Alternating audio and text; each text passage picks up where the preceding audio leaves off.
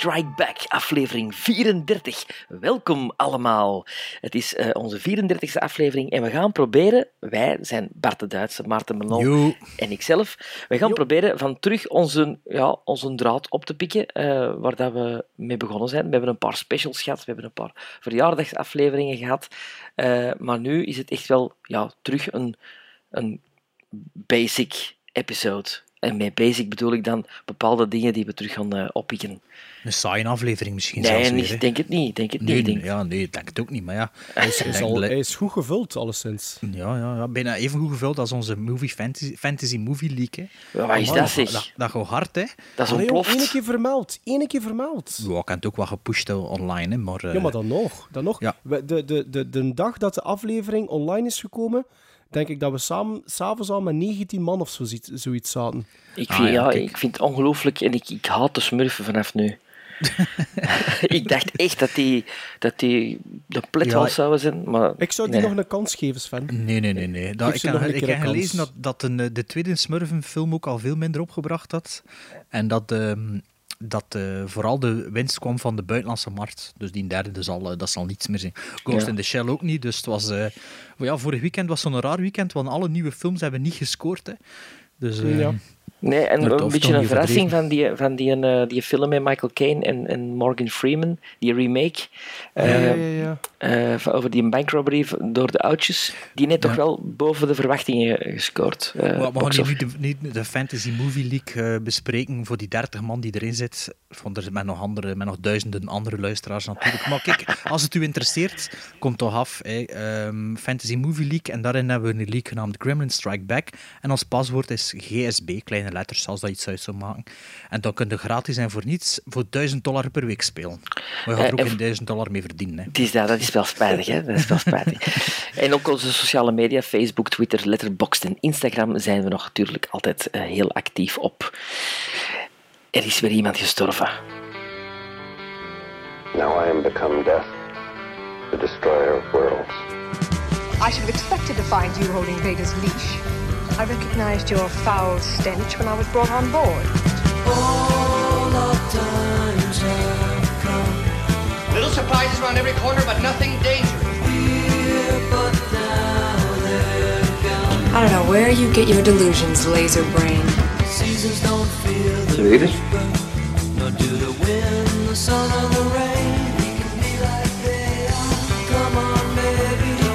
Read it? Read it?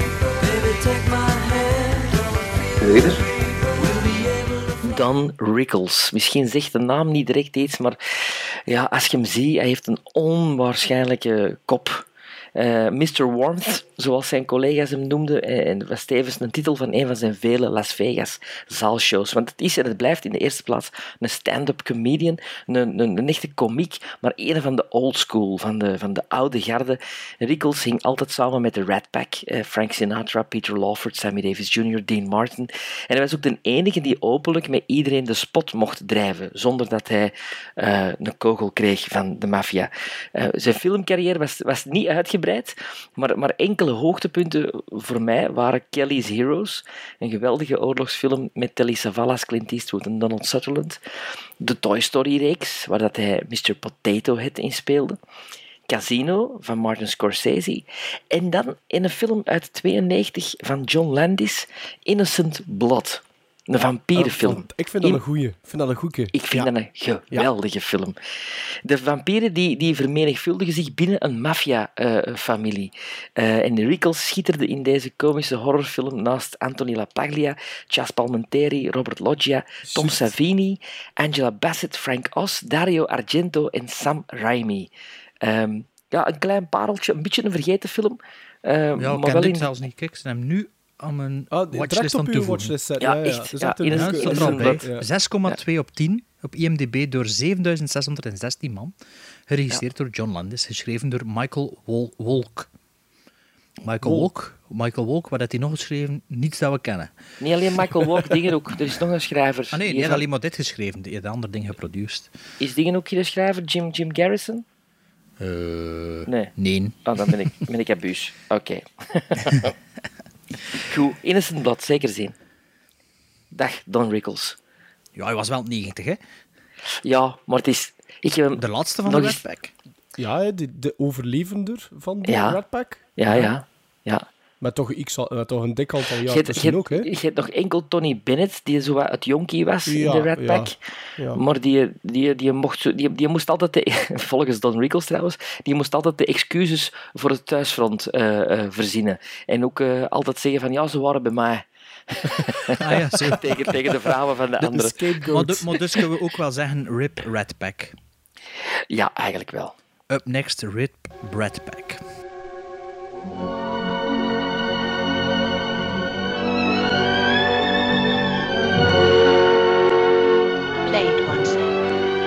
All time's sake. I don't know what you mean, Miss Elton.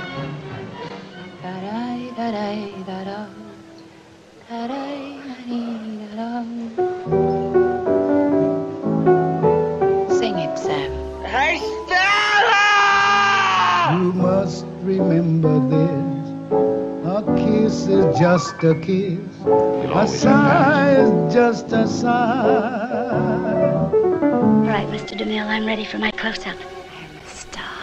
Gremlin Strike Back Classic. Eh, het is een nieuw segment. Alright, het is ondertussen al bijna een half jaar oud. Is te zeggen, eh, in het jaar 2016 hebben we het segment gelanceerd. Ehm allee, het is te zeggen, we hebben met drie, een, of ik heb jullie en mezelf een klassieker opgelegd die jullie nog niet gezien hadden. Jawel, Maarten wel al, Sven nog niet. Ik had hem al gezien. Maar het was geen vereiste dat hem nog niet gezien had, maar ik wou gewoon even een klassieker bovenhalen en misschien een nieuw segment lanceren waarbij dat we een classic, een algemeen alziende classic bespreken, om zo hopelijk onze luisteraars een beetje warm te maken voor een oude film die toch eventueel misschien wel fantastisch is, of niet. Ehm alleszins, eh, voor de eerste, keer had ik The Night of the Hunter ehm, geselecteerd. De volgende keer mogen jullie natuurlijk eentje selecteren.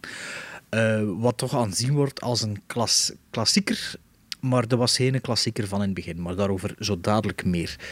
Ehm, dus The Night of the Hunter is een film van 1955, eh, die een goede 90 minuten duurt, 92 minuten, geregisseerd door Charles Lawton, was dat gesproken, denk ik? Charles Lawton. Ja. Eh, die eigenlijk eh, in- eerste instantie een, regisseur, een acteur was. Eh, als je die mens ziet, herkende hem wel. Allee, ik herkende hem toch, maar toen ik zijn, zijn filmografie bekeek, herkende ik alleen Jamaica in van Hitchcock, wat ik ook wel gezien heb.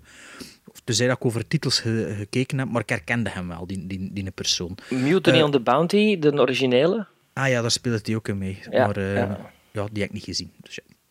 Ehm, maar ik herkende hem wel. Dus eh, Charles Lawton heeft dus één film geregisseerd, veel theaterstukken wel. En dus die ene film was The Night of the Hunter, dat eh, grandioos geflopt is. Met in de hoofdrol Robert Mitchum, gekend van Cape Fear, The Longest Day, Ryan's Daughter van eh, David Lean en nog andere films. Allee, heel veel films. Shelley Winters, eh, de naam ken ik, het gezicht ken ik, maar toen ik de filmografie bekeek, eigenlijk niet zoveel films. De- Is het eigenlijk een zwemster? Ah ja. Is een Ken- Olympisch, Olympische zwemkampioen geweest. Ja, maar daar ken ik, want mijn kennis van de Olympische zwemkampioen is nog kleiner dan die van film. Dus daar ken ik de naam ook niet van. Maar blijkbaar speelt ze mee in Alfie en Lolita. Maar ja, En- In de Poseidon Adventure, daar zwemt ze effectief eh, naar, de, naar, naar de ontsnapping, eh, onder het vuur. ah, ja, maar die heb ik ook niet gezien, Poseidon Adventure. Maar is dat een film of is dat een miniserie? Nee, nee, die film met Gene Hackman en Ernest Ja. Borgnine. Ah, de miniserie was later zeker. Ja, ja. Anyway, wie speelt er nog in mee? Een zekere Lillian Gish. En die Lillian Gish, dat is een interessant, interessante actrice, want die speelde ook mee in Birth of a Nation en Intolerance van D.W. Griffith. Eh, Sven, geknikt, je kende die actrice of had dat ook Lillian gelezen? Gish? Nee, nee, nee, absoluut, die ken ik. Ja. Ik heb die leren kennen door The Whales of August, een film met Betty Davis en Vincent Price uit 87, waar dat ze drie oudjes in spelen en eigenlijk eh, drie coryfeeën van, van, van de filmwereld. En zo ben ik op Lillian Gish terechtgekomen. Dat eigenlijk nog niet- 1987. Ja, in 87 was het haar laatste film, denk ik. Ja, En dat die- moet wel. Hè. Ja, ja, maar die is toch begonnen bij de stomme filmen? Ja, natuurlijk, een- want Birth of a Nation en Intolerance. Ja. Ja, dus Birth of a Nation, dat is een beetje filmgeschiedenis, nog een beetje erbij, is eigenlijk de film die ervoor gezorgd heeft dat de Ku Klux Klan terug groot geworden is, of terug uit de marginaliteit getreden is in het zuiden, omdat dat een beetje eh, een verheerlijking was over de, de, het verlies van, van de South eigenlijk. De South, en, ja. ja. En daar, daar is D.W. Griffith eigenlijk enorm van geschrokken, wanneer, waarna dat hij eigenlijk Intolerance gemaakt heeft. En dat is eigenlijk een vierdelig verhaal, of een, of een splitsverhaal over vier... eh goh, my, nu moet ik even terugdenken aan mijn filmgeschiedenislessen. Ik denk dat dat vier... ehm, vier gevallen waren van eigenlijk onverdraagzaamheid doorheen de geschiedenis. Ik denk de vervolging van de... Was dat de Joden of zo in de, met Jezus? Ik weet niet wie, wie dat er. Of de Joden vervolgden de christenen toen, of ik weet niet meer hoe dat zat. Christenen bestonden nog niet, maar ja, iets van de tijd van Jezus. Iets van eh, bij de Egyptenaren ook, dacht ik. En ja, zo'n massaspectakelfilm. Ik weet niet of dat jullie die gezien hebben. Niet eens nooit gezien. Altijd wel. Ja, ik heb eh, fra- fragmenten van gezien, maar... eh, ja.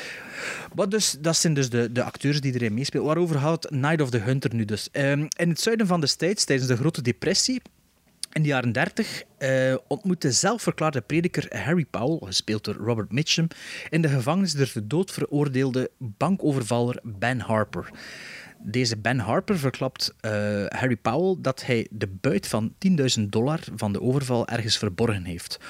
Om eh, zelf het geld te bemachtigen, nadat Ben Harper dood is en ehm, hoe noemt hij Powell, Harry Powell vrij is, ehm, terroriseert de prediker de weduwe en de weeskinderen van Ben. Eh, met de woorden love en hate getatoeëerd op de kneukels van zijn vingers, slaat en zalft Powell de kinderen en huwt de weduwe. Hij dwingt de kinderen op de vlucht door Virginia. Dat is dus eh, hoe dat, dat eh, op Wikipedia omschreven is. Ik ken dat zelf niet geschreven. ik heb, ik heb een keer niet op IMDb gekeken en toen zo'n zo'n halfslachtige Nederlandse vertaling eh, van gemaakt. En dus gewoon rechtstreeks van, eh, van dingen geplukt van Je dus wikipedia.nl. Ja, En ik heb ook wat spoilers uit de dingen weggelaten die erin zaten. Ja, trouwens, die, die een Ben, die vader, wordt gespeeld door Peter Graves. De originele man van de Mission Impossible-reeks. Ah ja, kijk. Ik ken, ehm, ja. ik ken een paar van de namen opgenoemd, maar ik heb er meer op mijn lijstje staan. James Gleason ook, dat is ook een naam dat ik herkende. Ja. Maar ik weet niet wie of wat dat is. Ik denk dat dat die nou de man is in de diner of wat is dat, in de winkel of wat is dat weer. Want ja, zoals die ik zei... ice cream parlor. Ja, of die ice cream. Zoals ik zei, het was van eind december. Ik heb die begin januari gekeken, dus eh, het is al even... eh, jullie hebben hem deze week nog gezien, als ik me niet vergis. Vandaag, vandaag nog. Vandaag nog. Ehm, Ja. ja. wat vonden we ervan? Sven. Ja, ja. Oh nee, Maarten, nee, Maarten, begin Maar maar. nee, ik ging, eigenlijk- ik ging eigenlijk zeggen van... Jij bent degene die de film hebt, aan ons hebt opgedragen, dus jij vindt dat dit een classic is.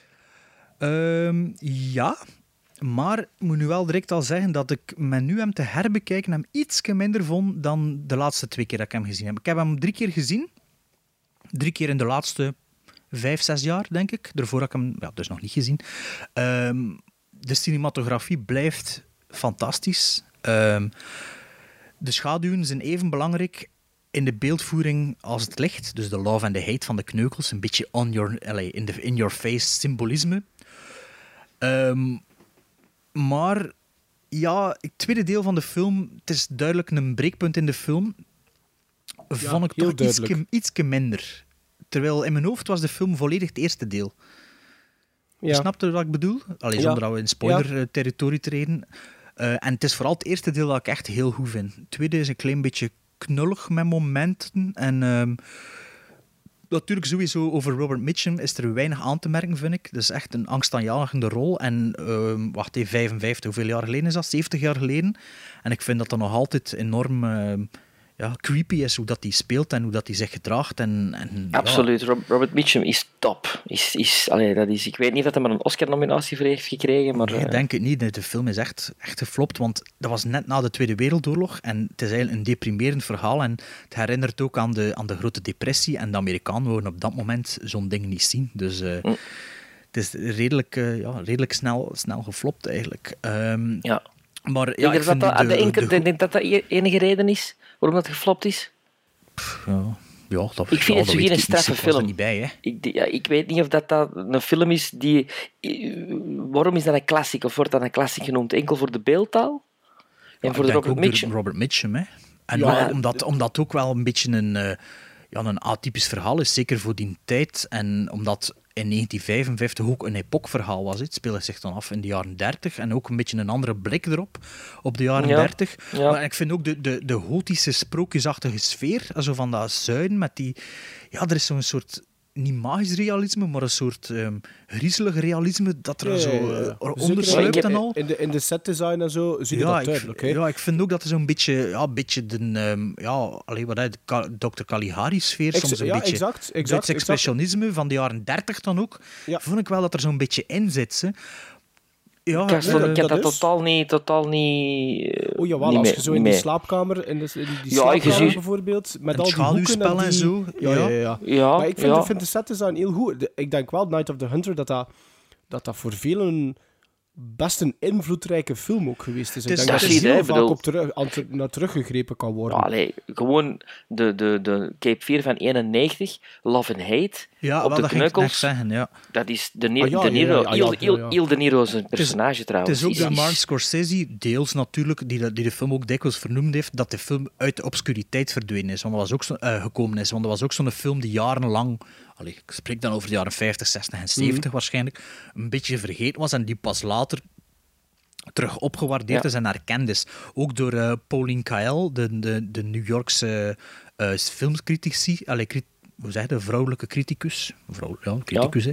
Film, de filmcriticus die zo nogal bekende essays schreef, eh, droeg de film ook op handen. En daardoor is die film dus een beetje het Roger, obscure- Roger Ebert ook, hè? Roger, Roger Ebert vond ook, dat maar een Robert, fantastische film. Roger Ebert was volgens mij een beetje later dan Pauline Kael. Ja, dat Ka- kan. dat Kael, kan. like Bart geen familie van. Nee, eh, ik vind The Night of the Hunter, vind ik... Ik, ik treed Bart bij. Ik vond die... eh, de eerste keer dat ik hem zag, vond ik die precies ook wat beter. En ik heb hem inderdaad nu deze week eigenlijk ook nog gezien. Voor, een, voor de tweede keer. En ja, er zitten daar toch dingen in. Cinematografisch is dat inderdaad wel goed. Vooral vind ik als het fixed shots zijn. Ik vind... Je hebt een paar pans en een paar travels die niet zo goed zijn. Ik vind dat je dat zeker mocht zeggen. Maar setdesign, lichtspel, ja, Robert Mitchum, eh, onze vriendin Gish, vind ik ook heel goed acteren in The Night of the Hunter. Maar daar, stap, daar stopt het wel een beetje qua acteerprestaties. Ja, Shelley jong- Winters vind ik heel slecht. Ja, die is Ik niet vind goed. dat Ja, echt die is niet goed, hè. Welke rol speelt zij? Van De, de vrouw, de weduwe. vrouw. de vrouw, de ja, weduwe. de weduwe. Ja, oké. Ik, eh, ik Die vond dat echt... heel raar op die huwelijksnacht. Ja, heel theatraal. Oh, maar, Heel theatraal. Heel bizar. Heel bizar. Showgirl-stijl. Nee, dat kan niks aan tippen eigenlijk. Nee. Ehm, maar maar ja, het zitten daar hele, hele mooie shots in. Maar ik vind het zo'n beetje ook. Robert Mitchum is goed wanneer dat hij zijn ding doet. En vooral wanneer dat hij aan het preken is, omdat hij heel dreigend overkomt. Ja. En daar zit hij fantastisch goed in zijn rol. Maar er zijn bijvoorbeeld een paar momenten dat die dreiging volledig wegvalt, omdat het niet goed gespeeld wordt. Omdat het, ehm, ik ga twee voorbeelden geven. Of omdat het de eigenlijk- dialoog soms een beetje... maar het zijn eigenlijk de twee momenten in de film waar dat hij eigenlijk de kinderen kan grijpen en ze ontsnappen hem. Dat is niet zo goed gespeeld. Het is eigenlijk misschien wel goed gespeeld, het is niet goed gemonteerd. En op dat moment valt de dreiging voor mij als kijker volledig weg. Mhm. Ja. En dan zitten ze juist op dat kantelpunt. En dan worden precies uit die film wat getrokken, omdat het, het, de verhaling van Mrs. Cooper, de, de Gish, dan ten tonele verschijnt. En ja, ik weet het niet. Ja, maar Gish vind ik nu wel geloofwaardig spelen eigenlijk. Ik vind die heel goed spelen. Gish Ah is, ja, dat is heel is, goed, ja. Zo een feministische rol voor Ja, in de jaren 30 dan zo gezegd. En eh allee, ik vind wel dat die, ik vind dat die, ja, die speelt wel goed inderdaad. Ehm, maar ja, dat ik- ook dat deel. wat, wat dat hij zegt, daar volg ik u wel grotendeels in. Alleen nu dat, van de montage, dat weet ik nu niet, dus, omdat het is te lang geleden dat ik de film er, eh, op gezien- heb. Mag ik een vergelijking trekken eh, naar Cape Fear van 62? Ook Ja. met Robert Mitchum. Ehm, it's no Cape Fear. nee, ik The vind Night of de the Hunters. originele Cape 4, vind ik, als ik ze naast elkaar zet, vind ik de originele Cape 4 iets beter. Ik ook. Ik Ja, ook. Maar echt je lang voelt, geleden je, dat ik voelt die wel, gezien heb. je voelt wel dat Mitchum de basis voor Cape Fear in The Night of the Hunter heeft Ja. gelegd. En je voelt van, Ja, ja, ja. Dat Ja. ziet dat, dat mij ook afgaat, dat hem tot dan toe niet had mogen, of niet had kunnen spelen. De Ja, kans trouwens, niet toegekregen. een van iemand die in de ru- running was, of de eerste keuze was, was eh, Carrie Cooper voor eh, de rol van, eh, Robert, allee, van de Oh, rol van Paul Ja, te spelen. Ja, volgens IMDb toch, hè, de, de dinges. Eh, ja, die, eh, maar Gary Cooper wou die rol niet aannemen, omdat hij dan dacht dat zijn carrière eh, ja, voorbij ging zijn. En weet ik allemaal. Hè. Dus, maar ja, let op, op IMDb heb ik toch nog andere namen gelezen. Ik weet het nu niet meer van buiten, maar toen dat ik dacht van ja, oké, wie zegt dat dat allemaal correct is natuurlijk. Maar ik vond het toch de moeite om even te delen met jullie, dat Gary Cooper. Maar natuurlijk moest, moest het niet meer ehm, met Robert Mitchum, Mitchum. zijn. Zou de film inderdaad veel zwakker zijn. Hè. Absoluut. Het is een beetje het. L-verhaal, zou je misschien zelfs kunnen zeggen. Dat de Isabelle Huppert de film grotendeels draagt. En ehm, ja, Ja. Nee? Ja, alhoewel dat ik alle in L, alle side characters ook goed vind acteren. ja, ja maar moest, het- moest de het- hoofdrol het niet zo goed vertolkt zijn. Zot, Ja, minder zijn. hoe noemt dat zin? Minder Pudding, Europudding. Of Europudding, ja. Europudding. Ja, oké. Zeg maar, Maarten, jij kunt misschien dat, dat even eh, verduidelijken, want dat is, dat is mij niet meer helemaal bijgebleven.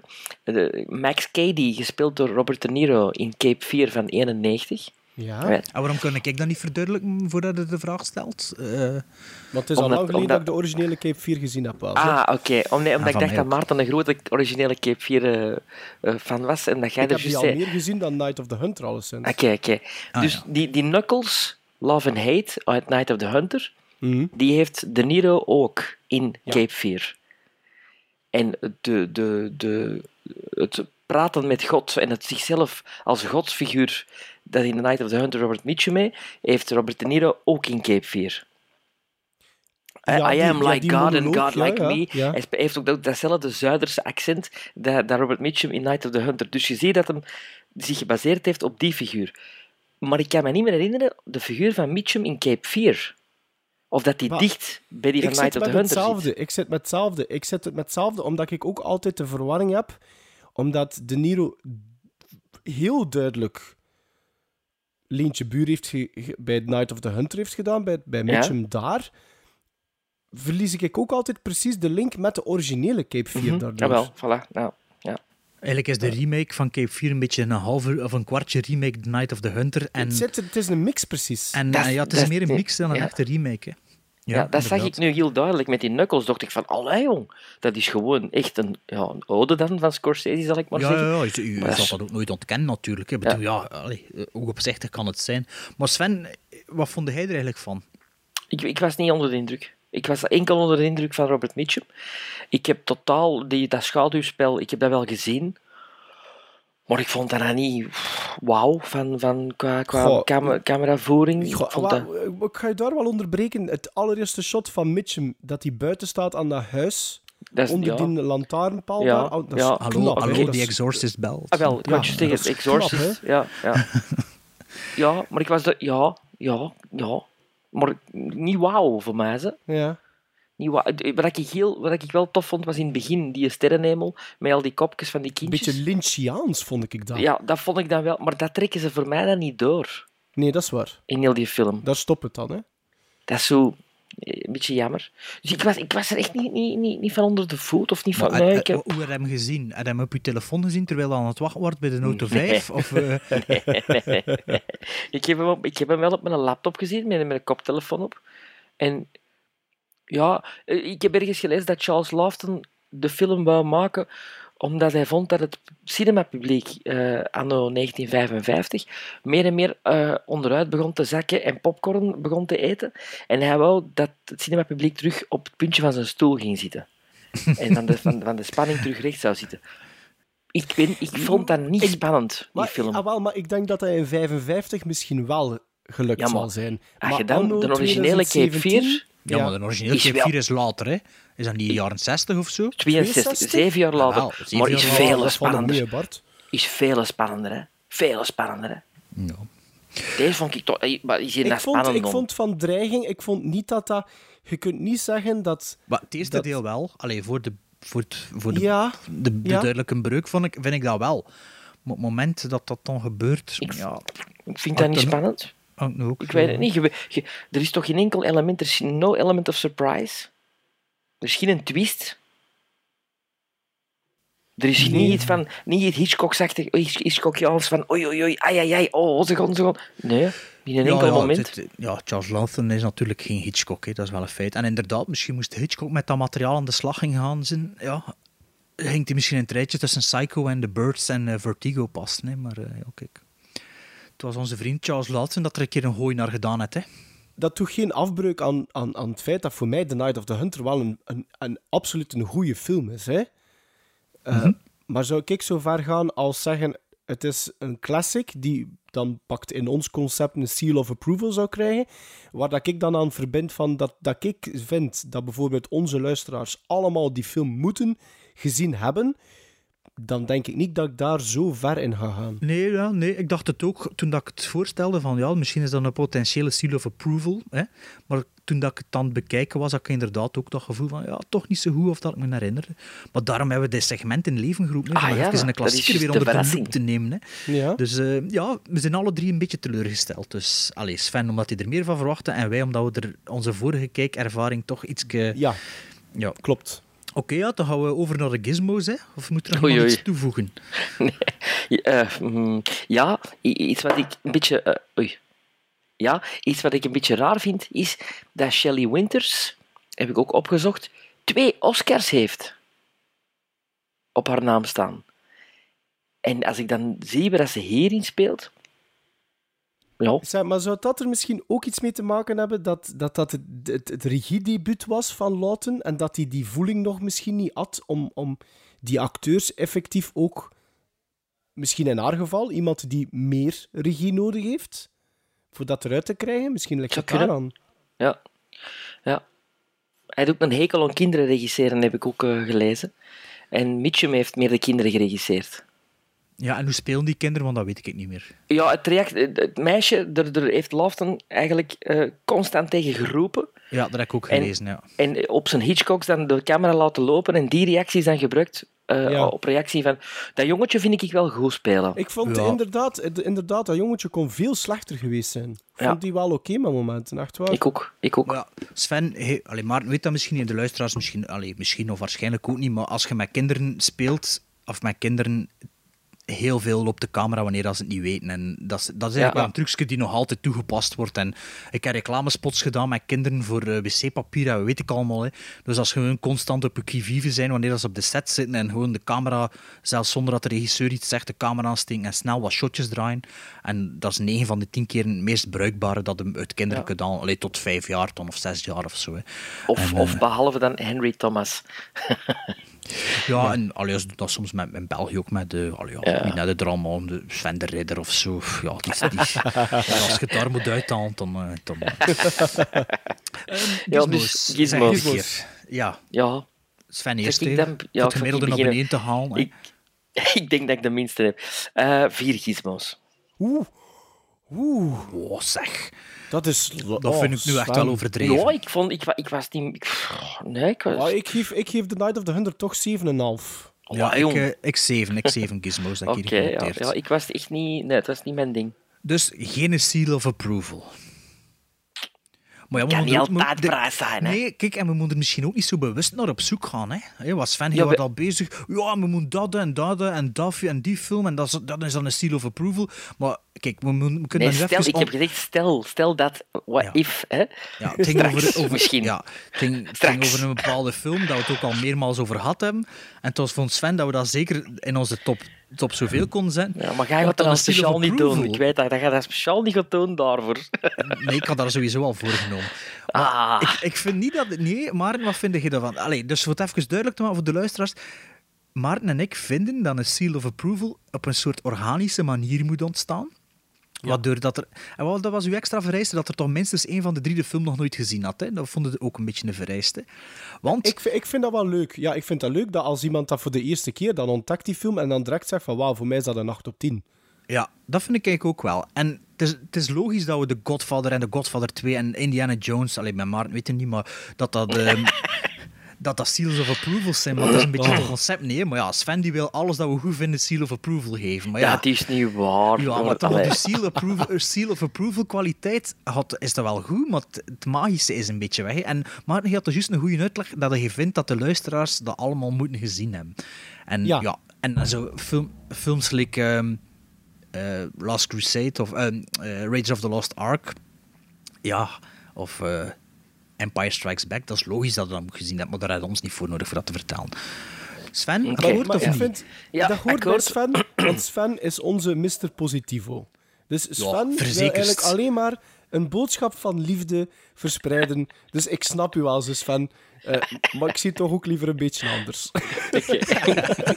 Kijk, dus als de luisteraars echt kamp Sven zijn, mag je dat ook allemaal laten weten. Hè? En als iedereen vindt, ja, maar, maar, we moeten ons wel vertellen dat, eh dat eh, Raiders of the Lost Ark, is Empire Strikes Back en Back to the Future Seals of Approval zijn, anders weten we het zelf niet. Ja, Ja, laat het ons dan maar weten.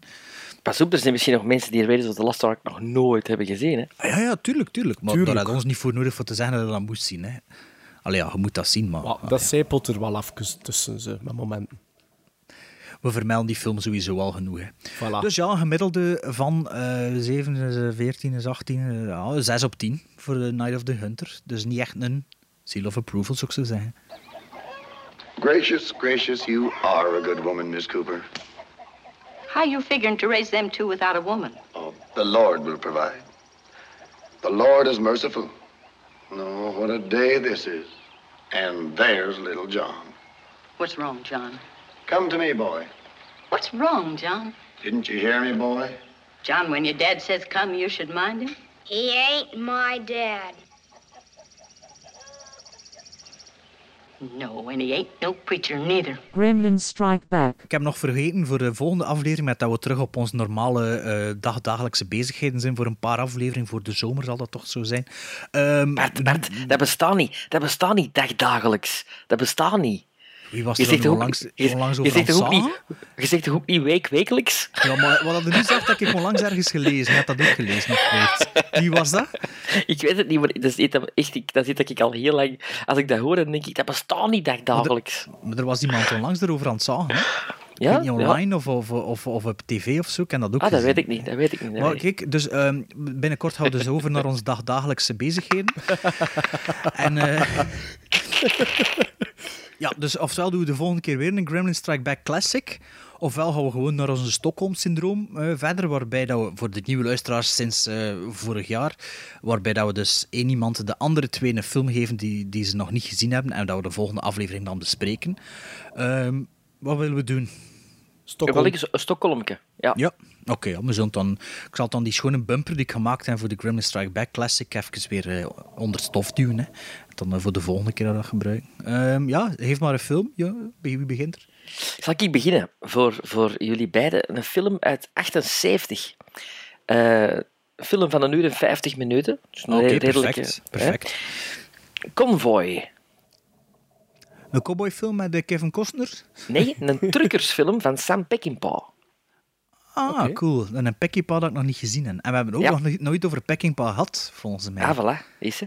Ja, ja, ja, ja, ja, daar ben ik blij mee. Een truckersfilm. Een truckersfilm over- met, met Chris Christopherson, Ellie McGraw, Ernest Borgnine, Burt Young. Toffe film. Goeie Oké, Trek het op over de top? We- Nee, ja. nee Oké, totaal dan is niet, het goed. Totaal Dan is het goed. ik eh, Eh, ja, ik maar- ga vier... Wacht, eh, 78 was het, Sven?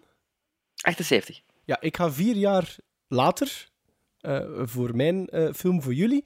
1982, een film van eh, Larry Cohen. Ah, ik heb hem al gezien of niet? Dus ah, dat zou niet mogen, hè? Ik denk Nee, niet. maar- Q, Q, The Winged, Sea- eh, the Winged Serpents. Hoe Sven had je nog niet gezien, of wat? Nee. Nee? Maar zo- Ah, Bart, jij toch ook niet? Nee, maar ja, dat is toch wel een soort, een soort Sorcerer and Sandals film, of weet ik veel wat. Zo Nee, wat gij. fantasy. Nee? Maar nee, jij. Soort, Ah, maar ik en ik- stone? Nee, jij. Nee, ik slaan die altijd door elkaar met eh Krull. Wat, ja, Ah, Krull ja, en- nee, nee, nee, nee, nee. Is dat met The David Winged Carradine? Serpent. David Carradine? Eh, ja, ja, ja, ja. Bekend van eh ja, Kung Fu en Kill Bill. hè. En, En Michael Lone Wolf Moriarty. Michael Oh, Moriarty. Salem's Lot. Ja, nee, A Return to Salem's Lot. Ah ja. Ah, van Toby Hooper zeker, of hoe is Nee. dat het weer? Nee, ook Nee, van Larry Van- Cohen. van Larry Cohen, hè. Ja, Larry. Cohen, ja. Eh, Larry, Ah, Cohen ook, Larry Cohen had ook Basket Case en de stuff gedaan, hè?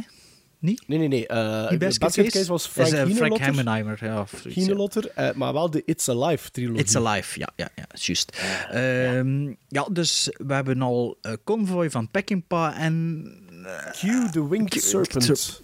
Van van eh, Larry Cohen. Oh, en kijk ga ik naar uit. Ja, dan ga ik er nog één tegenaan kletsen. Ook nog een oude film. Dus de mensen die volgende aflevering al naar uitkijken. Dus we gaan het over drie oude films hebben. Want mijn film is van 1970 van Bernardo Bertolucci. En eh, we hebben het er al over gehad bij de top drie van de Italiaanse, Italiaanse films. En- films. ja, en dat is de Il Conformista. Die eh, jullie nog niet gezien hebben en die ik onlangs herbekeken heb. En waardoor dat ik er toch nog een keer het een en het ander over wil zeggen. Dus ja, dat wordt onze Stockholm-syndroom volgende keer. En we zullen er dan nog iets moderns aan plakken ook. Hè. Iets anders die modern Voor te is. compenseren. Ja, top drie moderne films of zoiets. Ladies and gentlemen, I'm here tonight to tell you a very strange story. A story so strange that no one will believe it. Maarten Melon Zweetjes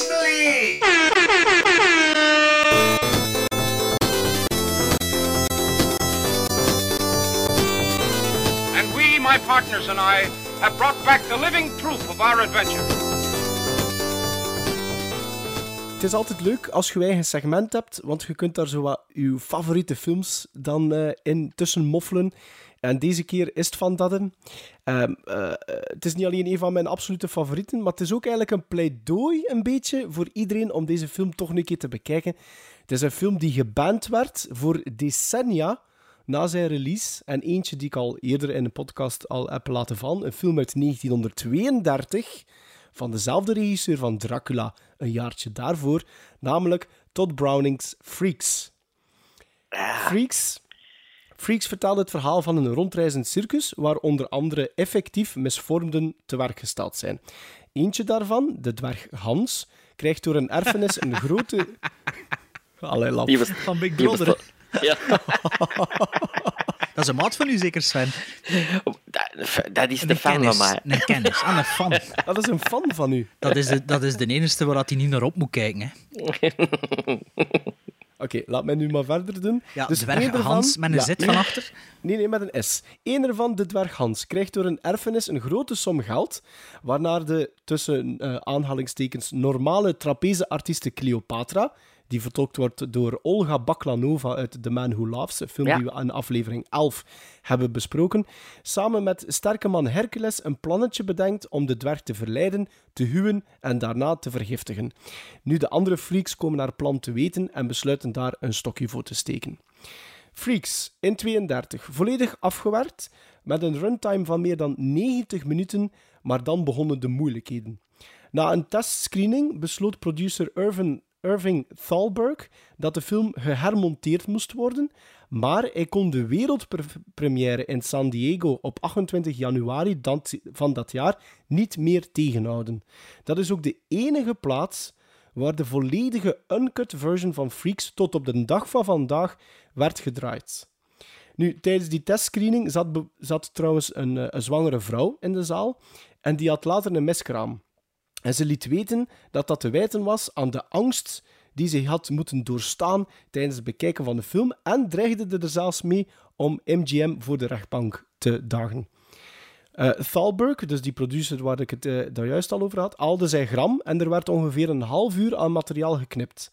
Sommige shots en scènes worden zelfs als verloren beschouwd, waardoor dat er tot op de dag van vandaag geen volledige uncut versie van, versie van de film bestaat, zoals die dus vertoond werd op de wereldpremière.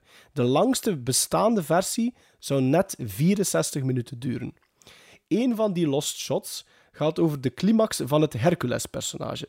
Nu, wat dat er gebeurt met Cleopatra ga ik niet spoilen, daar moeten jullie dus de film maar zelf voor bekijken. Maar de freaks weten de sterke man uiteindelijk te snappen en, knip knip, zijn teelballen te verwijderen. En een van de laatste shots in de film was blijkbaar Hercules, die nu als castraat en dus soprano wordt opgevoerd. Farinelli. Farinelli. De freaks zelf bleken niet echt gemakkelijk te regisseren tijdens de opnames. Een aantal van hen luisterden amper of begonnen zelfs capsones te krijgen. Het eh, ergste geval was eh, de bearded lady, genaamd Olga Roderick. En die maakte er haar werk van om zelfs tot haar dood de film neer te sabelen. Nu, na verluid was haar ego ook wel wat gekrenkt, omdat er heel veel scènes met haar gefilmd waren die dan uiteindelijk niet in de film te zien waren. Enkel Johnny Eck, ehm, de half-boy, dat is ja, iemand die maar tot zijn middel bestaat. Ehm, Ah, dat, dat in de, in de lengte. Nee, nee. Nee, nee. Eh, dus die Johnny Eck is, altijd, eh, is wel altijd positief gebleven over zijn wedervaren tijdens en na het, eh, na het filmen. Maar het is eigenlijk dwergacteur Angelo Rosito in de film Angelino, die na Freaks nog een aardige carrière wist uit te bouwen in het televisie- en filmlandschap. Hij was Little Mo in de tv-reeks Barretta uit 75, maar een pak bekender ook de master in Mad Max Beyond Thunderdome uit 85. Ah, dat is hij die op die gespierde reus altijd Maar, zit. dus dat, dat was vijf, in 85, zeiden? En Th- Mad Freaks, Max Beyond Thunderdome. En Freaks Freaks is van- 32. 32. En dat was een handicap. Allee, ja, die, meest- dwerg, die worden ja. meestal niet zo oud, hè? Ik denk dat, er wel, dat hij daarna niet zo lang meer geleefd heeft. Wel. Ah ja, Na 85. dan moet dat het wel. Terwijl, ja. Je hebt ook eh, Harry Earls, die Hans vertolkt. Had, had ook nog een bekende rol, want zeven jaar later... Hans.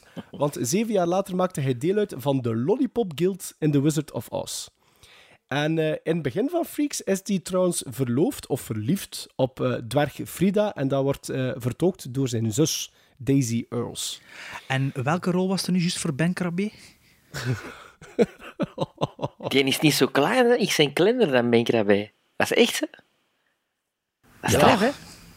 Kan de luisteraar hem daar nu eigenlijk een beeld bij vormen? Ik, ook- ja. ja. Nog heel even. Ehm, Oké, we over- houden nog even vol, ja. Nog heel even over Todd Browning, die eh, bij MGM hits op zijn naam had, zoals bijvoorbeeld Dracula uit 31, maar ook West of Zanzibar eh, uit 28, London After Midnight uit 27 en The Unholy Three uit 25, alle met Lon Chaney in de hoofdrol.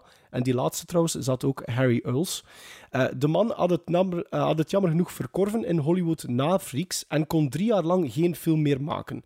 Uiteindelijk volgden nog, met continue tegenkantingen, Mark of the Vampire in 35, Miracles for Sale in 39 en twee titels waar hij zelfs niet voor gecredit werd. In 62 overleed hij op 82 82-jarige leeftijd. Dus die man, nou eigenlijk echt aan de, de, de wieg van, van de eerste horror talkies te hebben gestaan, heeft door Freaks ja, Zijn carrière. eigenlijk zijn carrière gekelderd. En dat is spijtig. Spijtig, want, want Freaks had een film met echt een boodschap. Want de boodschap van Freaks is dat soms de gewone mensen de echte freaks zijn. Ja, daar bleek dus de society toen niet klaar voor te zijn. En in Groot-Brittannië heeft het eh, trouwens tot 1963 geduurd vooraleer de film vertoond mocht worden met toen nog een X-rating.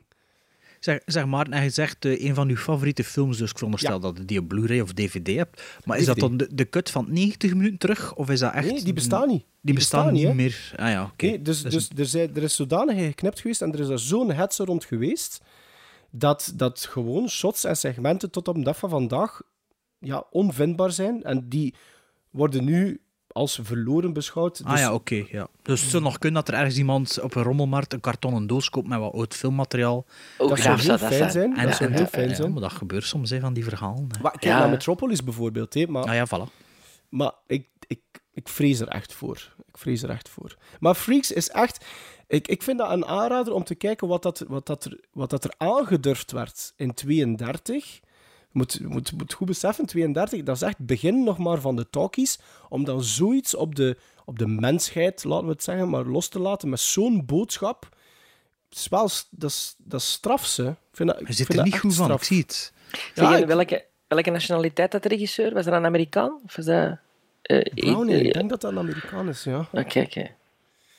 En als je de DVD hebt, normaal gezien, nu bij iedere release van Freaks staat er een, eh, een audiocommentaar en een documentaire op eh, van filmhistoricus David, J. David J. En dat is zeker aan te raden. Een hele goede documentaire, maar ook een hele goede, een interessante audiocommentaar doorheen eh, de film. And the winner is Jack Nicholson in One Flew Over the Cuckoo's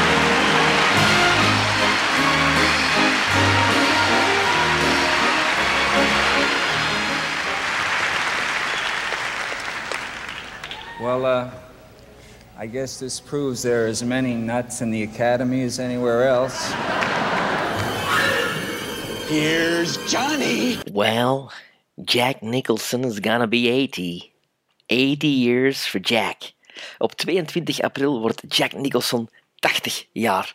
En ik ben volop zijn biografie aan het lezen. Wat een ongelooflijke anekdotes die erin staan. Een, een, een zeer vreemd leven dat die man eh, eh, heeft eh, gehad. Waaronder het feit dat hij bijvoorbeeld niet wist dat zijn zus eigenlijk zijn moeder was. Er werd altijd, er werd altijd gezegd tegen hem, dat is uw zus, maar eigenlijk was het zijn moeder. En zijn grootmoeder beschouwde hij dan als zijn moeder. Een hele twisted eh, family history, ehm, waardoor dat hij ook die, die, die getormenteerde ehm, eh, switch die hij soms maakt in zijn spel, eh, Ja. waarschijnlijk daar, daar de basis ligt van, van, van zijn eh, karakters die hij altijd speelt. Hij is jarenlang onder andere ook buurman geweest van Marlon Brando, boezemvriend van Marlon Brando. Ehm, Mulholland Drive, waar dat ze op woonde, dat werd wel eens Bad Boys Drive genoemd, want eh, Marlon Brando woonde daar, Warren Beatty, waar ook een boezemvriend van hem is, en hij woonde daar ook. Hij heeft ook trouwens het huis van Brando gekocht nadat Brando stierf en heeft dat helemaal laten afbreken. Dat hij niet wou dat iemand anders in dat huis van Brando eh, kwam wonen. Het was trouwens ook op vraag van Brando geweest, van als ik ooit sterf, eh, eh, demolish my mansion. Als ik ooit sterf, koop mijn huis maar. Als goede vriend.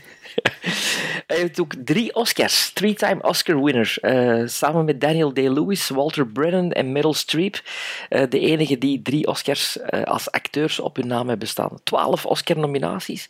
En net als Michael Caine, de enige acteur die in de jaren 60, jaren 70, jaren 80, jaren 90 en de jaren 2000 een Oscar-nominatie kreeg. Dus, tijd voor een feestje. Tijd voor een feestje. Gentlemen, let's broaden our minds. Lawrence?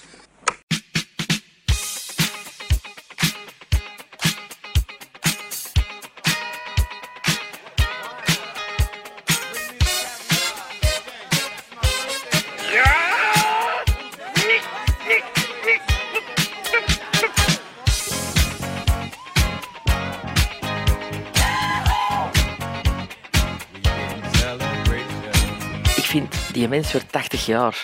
De Jack. Top Dus- 80 Jack Nicholson films. Jawel, luisteraars, we doen een top 80 Jack Nicholson films. Nee, ik dacht eerder anders. aan een top 3. Een, top 3 Allee, ja. Ja, ik Jack zal die- Nicholson zal die films. 80 tot 77, uit tot de, ik zal die 77 andere dus schrappen. Ik zal de laatste focussen op de laatste drie dan. Ik denk dat hij zoveel films zelfs die gemaakt heeft. 75. Ah, voilà. Als acteur. Wat? 75 films? Als acteur, ja. Kijk, we zijn toch bijna een top 80 gemaakt. Bijna. Bijna. Als hij nog een beetje doordoet, gaan we misschien nog een top. Wanneer verjaart hij volgend jaar weer? Dat zal wat moeilijk zijn voor de 81. Oh ja, pak tegen zijn 85ste kunt hij misschien toch alleen Een top 80, ja. ja. Voor de top 85. Maar het is een fenomeen, hè, Jack Nicholson. Hè. Bedoel, Absoluut. Hij is echt... eh, ja. Dus een top 3 Jack Nicholson films. ja. Allee, ik zal een keer in mijn ton grabbelen. Maar in begin geen maar ondertussen.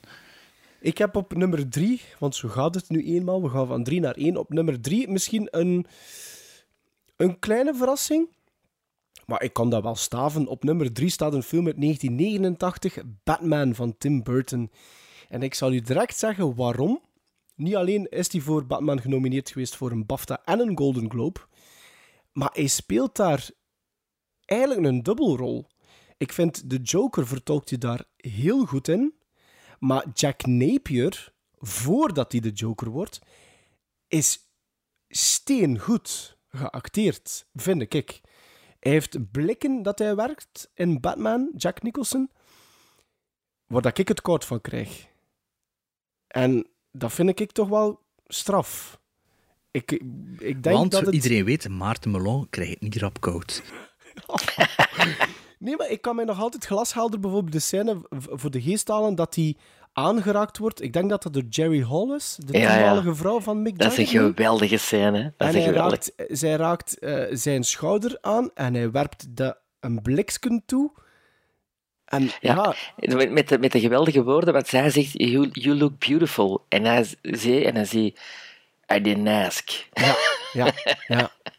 Maar hij, hij- vooral zijn, het spel, als hij geen dialogen heeft, dus alles wat dat hij met zijn, met zijn mimiek doet, vooraleer dat hij de Joker dan wordt, want dat is dan natuurlijk wel wat uitvergroot, maar dan hoe dat hij dat allemaal speelt, ik vind dat wel straf.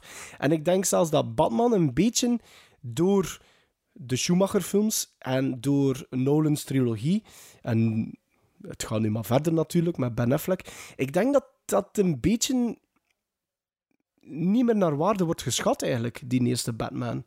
Ehm, want in 89 v- denk ik toch tot op zekere hoogte dat dat wel een, een, een, een, een gamechanger is geweest voor superhero movies. ja, zo- Ja, superhero, ja, dat, dat concept bestond natuurlijk nog niet. Nee. Toen, Ja, wel, schat, Ja, het Superman, bestond Superman. wel, maar, Maar zoiets maar- donker. Maar we Eh, spraken niet over wel- superheldenfilms, hè. Nee. Nee, dat is Dus daarom Maar ik voor weet- mij... Ja, Ja, ik weet maar, nog dat die, film, dat die film, toen dat die film uitkwam, dat dat wel... Ja, een, Dat was een big deal, hè? Ja, het was Ja. een big Ja, deal. je, big had- je deal. was misschien te jong voor te weten, maar maar, ja, dat was wel... eh, Ik allee, heb die voor het eerst gezien in de kerstperiode. eh, ik denk in de jaren 90 of 91. Het was denk ik een jaar voor Returns. En dat is 92 zeker. Dat is Returns? 92, ja. Ja, denk het. Ik Dus weet dat ik... 90 eh, of ik 91 gezien heb. Ik keek er zo naar uit, naar Batman, dat we hier zo aangekondigd mee, allee, dat, we- dat we gingen Ja, ja. doorfilmen. Ja, dat weet ik zelfs. En dat was kinderen niet toegelaten. En ik Ja, was 15, inderdaad, inderdaad. 15 jaar. En ik was echt voor te rotten. Ik mocht er niet in, hè. Dat Zelfs is niet met echt... je pa erbij? Nee, nee, nee. Vroeger nee. mocht dat blijkbaar niet. Wat had er nog gezegd? Is, Ik heb nog met, met Jaws, pa Re- heeft daar nog Jaws Revenge. gemaakt, hè? Die- dat was bij Jaws the Revenge. Dat was... eh, Ja, dat was en dat en bij The Witches of Eastwick ook. Batman, hè. Ja, maar... Ik, maar Nee, nee, van kwaliteit en niet van Oh, ik weet het, maar, dat is toch niet griezelig, Batman? Ik snap dat Nee, niet. maar dat was, dat, ik weet dat ook nog inderdaad, Maar dat, dat er daar veel rond te doen was. Maar dat was, volgens mij was er zo weer eens een of andere klein dat uit zijn venster gesprongen was in de States. Er was dat wel iets toch? Er, was dat, er is daar iets mee gebeurd toch? Ja, zoiets was dat. En, want ik weet nog, ik heb, ik heb nog zo'n magazine gehad over Batman, zo'n Engelstalige magazine. En ze verkochten dat in Gent, in de Gouden Schaar, lag dat in de etalage. En mijn ouders werkten toen in Gent. En elke keer dat ik meeging naar het werk, ging ik in de etalage gaan zien of dat, dat boekje er nog lag. En ik mocht, mijn moeder had dat gezegd dat ik het mocht in. Maar mijn vader moest dat gaan komen. En volgens mij dat ik er drie maanden achter moest staan. In plaats van gewoon naar die winkel. Het was echt op 10 meter van zijn, van zijn werk. In plaats van even dat boekje te gaan halen voor mij. Maar uiteindelijk heb ik het wel gehad. En, ja, redelijk, redelijk verscheurd dat boekje moet ik zijn. Vooral Sometimes it's worth the wait, Bart. Maar pa, gewoon geen goesting voor erachter te gaan. Ik dacht dat ik het ging vergeten. Ik vind dat niet zo'n eh, on- onlogische keuze, hè, Maarten. Ja, nee, eh, ik vind dat hij daar echt goed... Allee, mijn top 3 moet nu wel zeggen, ik heb mij gebaseerd op zijn vertolkingen. Ja, dat Eh, ging ik in de net eerste ja. plaats. Eh, maar pas op, mijn top 3 zijn ook drie bijzonder goede films geworden. Mhm. Dus, eh, maar kijk op 3 Batman. En Wel, mijn nummer drie, ik kan er eens een spelletje van maken. Je weet, ik vind dat plezant om jullie wat... eh, Te is een film met drie Oscar-nominaties. Nu begint Sven al te denken. Waarvan één beste acteur, één beste bijrol mannelijk en best adapted screenplay. Het is eigenlijk de film waarmee dat ik Jack Nicholson volgens mij voor het eerst bewust heb gezien. Of toch, ik denk wel dat na eh, Batman was, maar toen ik de, kende ik nog niet Jack Nicholson, omdat ik te jong was of te klein was. Ehm, heb chance dat ik hem nu wel al herken en zo, want meestal met acteurs die, die vergeet ik niet. Vergeet ik snel. Ehm, en het is een film dat ik weer, dat is ook weer dikwijls in mijn top 3, dat ik alweer lang niet gezien heb, maar dat ik toch drie of vier keer gezien heb op tv. Het is een film van 1973 van Hal Ashby, de regisseur van Being There, Harold and Maude, Shampoo en Oscar-winnaar als monteur voor In the Heat of the Night, is van 1973, is The Last Detail. Eh, met dus Jack Nicholson in de hoofdrol, samen met Otis Young en Randy Quaid. Eh, het Oh, verhaal... Randy Quaid. Ja, het verhaal gaat dus over een zekere Mezzos, eh, dat een, een, een, eh, marinier is, een marine, denk ik dat ze zeggen, die veroordeeld wordt wegens diefstal of zo voor, voor de, hoe noemt dat weer, de court-martial, de, de krijgsraad? Of, Ja, de krijgsraad. Niet, ja, dus niet de rechtbank, maar voor de krijgsraad. Dus Ja, die naar- court-martialed, ja. Moet, moet die dan ook naar een speciale gevangenis of niet? Dat weet ik nu niet meer precies. Komt er eigenlijk op neer dat, ehm dat Ja, Jack het Nicholson... cachot, hè. Het cachot. Ja, is dat een ander gevangen dan het gewoon? Ja, ja, ja. ja. Dus die wordt veroordeeld tot, tot tien jaar straf of zo. Ehm, en het verhaal gaat er dus over dat Jack Nicholson de blanken en dan eh, Otis Young de zwarte, eh, de jonge Randy Quaid, eh, dus Mescos, of noemt hij, moet begeleiden naar zijn eh, naar de gevangenis eigenlijk, na zijn veroordeling. Dus om een of andere reden wordt dan een roadtrip en waarbij dat ze die, die gast nog voor de laatste keer van het leven laten proeven van alles dat hij gaat missen en alles dat hij nog nooit meegemaakt heeft. En ehm, ja, dat is mijn nummer drie. Ehm, ja, niet per se alleen voor Jack Nicholson's spel. eh, Gewoon omdat dat een film is die me toch, dat, waarvan ik nog veel scènes herinner. Ook al is het al twintig jaar geleden dat ik die film gezien heb. Misschien vijftien jaar geleden. Ik wil het, ik wil het kwijt zijn. Maar ehm, ja, toen dat ik mijn lijstje aan het overlopen was, dacht ik, ja, die mag wel op nummer 3 staan van mij. Mhm. En, eh, direct bestellen, hè. op DVD Zeg, of eh, Blu-ray. Randy Quaid, Ja, is, de, is dat eigenlijk... Ik die is nog altijd op de vlucht, hè? Die is op de vlucht nog altijd, hè?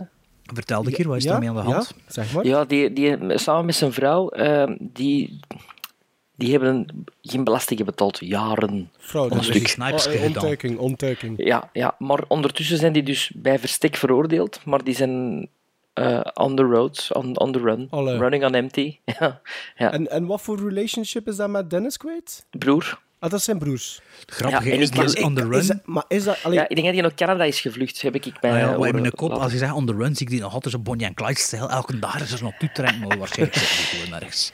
Zeg maar, maar ehm, ik ken te weinig van het, het oeuvre van Randy Quaid in zijn beginjaren. Voor mij is dat geen, nooit echt een goede acteur geweest. Is die Een goede battle, goede, goede battle-acteur, zo. Waf, Ik ken die eigenlijk alleen maar van, van die flauwe comedies. Maar dat is zijn later. eh. Maar da- zelfs daar is hem heel goed in. Zo. Als hem Wow. de, de neef speelt van Clark Griswold in de, de Vacation films. Dat is toch wel Ja. goed, hè? Ah ja, ja, dat is hem, ja, Ja. inderdaad. Ja, ja, ja. Maar, eh, En nu gaat aan mij vragen wat hij goed speelde in The Last Ja? Detail. Ik weet het niet, het is te lang geleden dat ik hem gezien heb. Hey, dan, Maarten, als, als westernliefhebber nooit niet de Long Riders gezien. nee. Oh.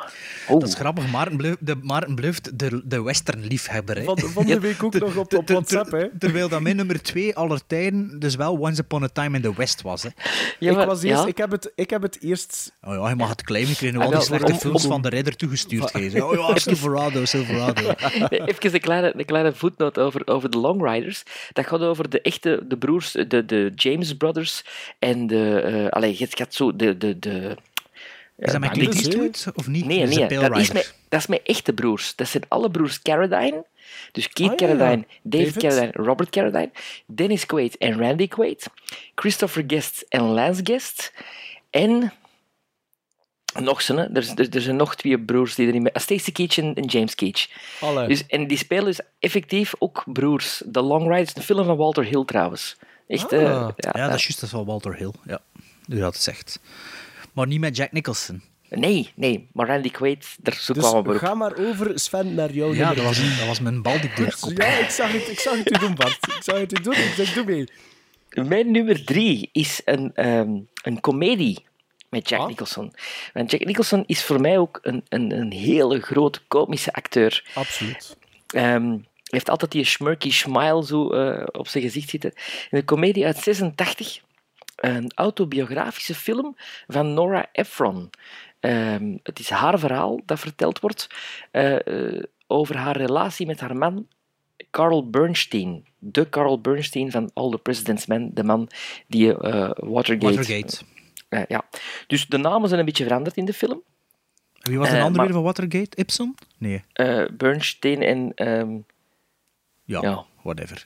Wikipedia.nl Het gaat dus over, over de, de schrijver, journalist, eh, gespeeld door Jack Nicholson.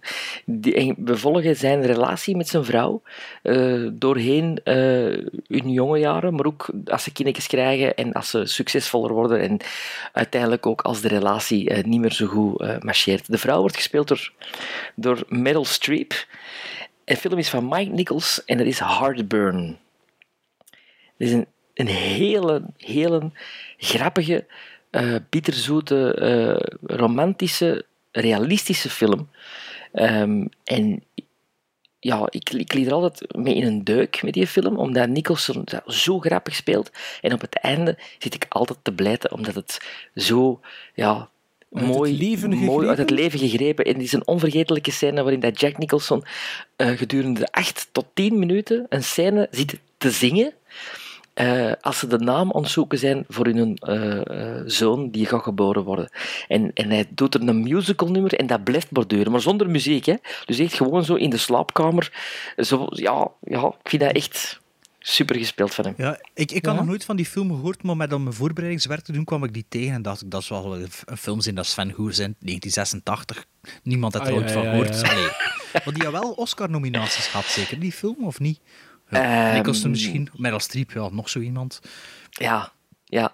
Ik heb het zien passeren, maar het zei me niets eigenlijk. eh Mike Nichols, goede regisseur trouwens. wat hij nog gedaan? Mike Nichols heeft eh, Catch-22 nog gedaan.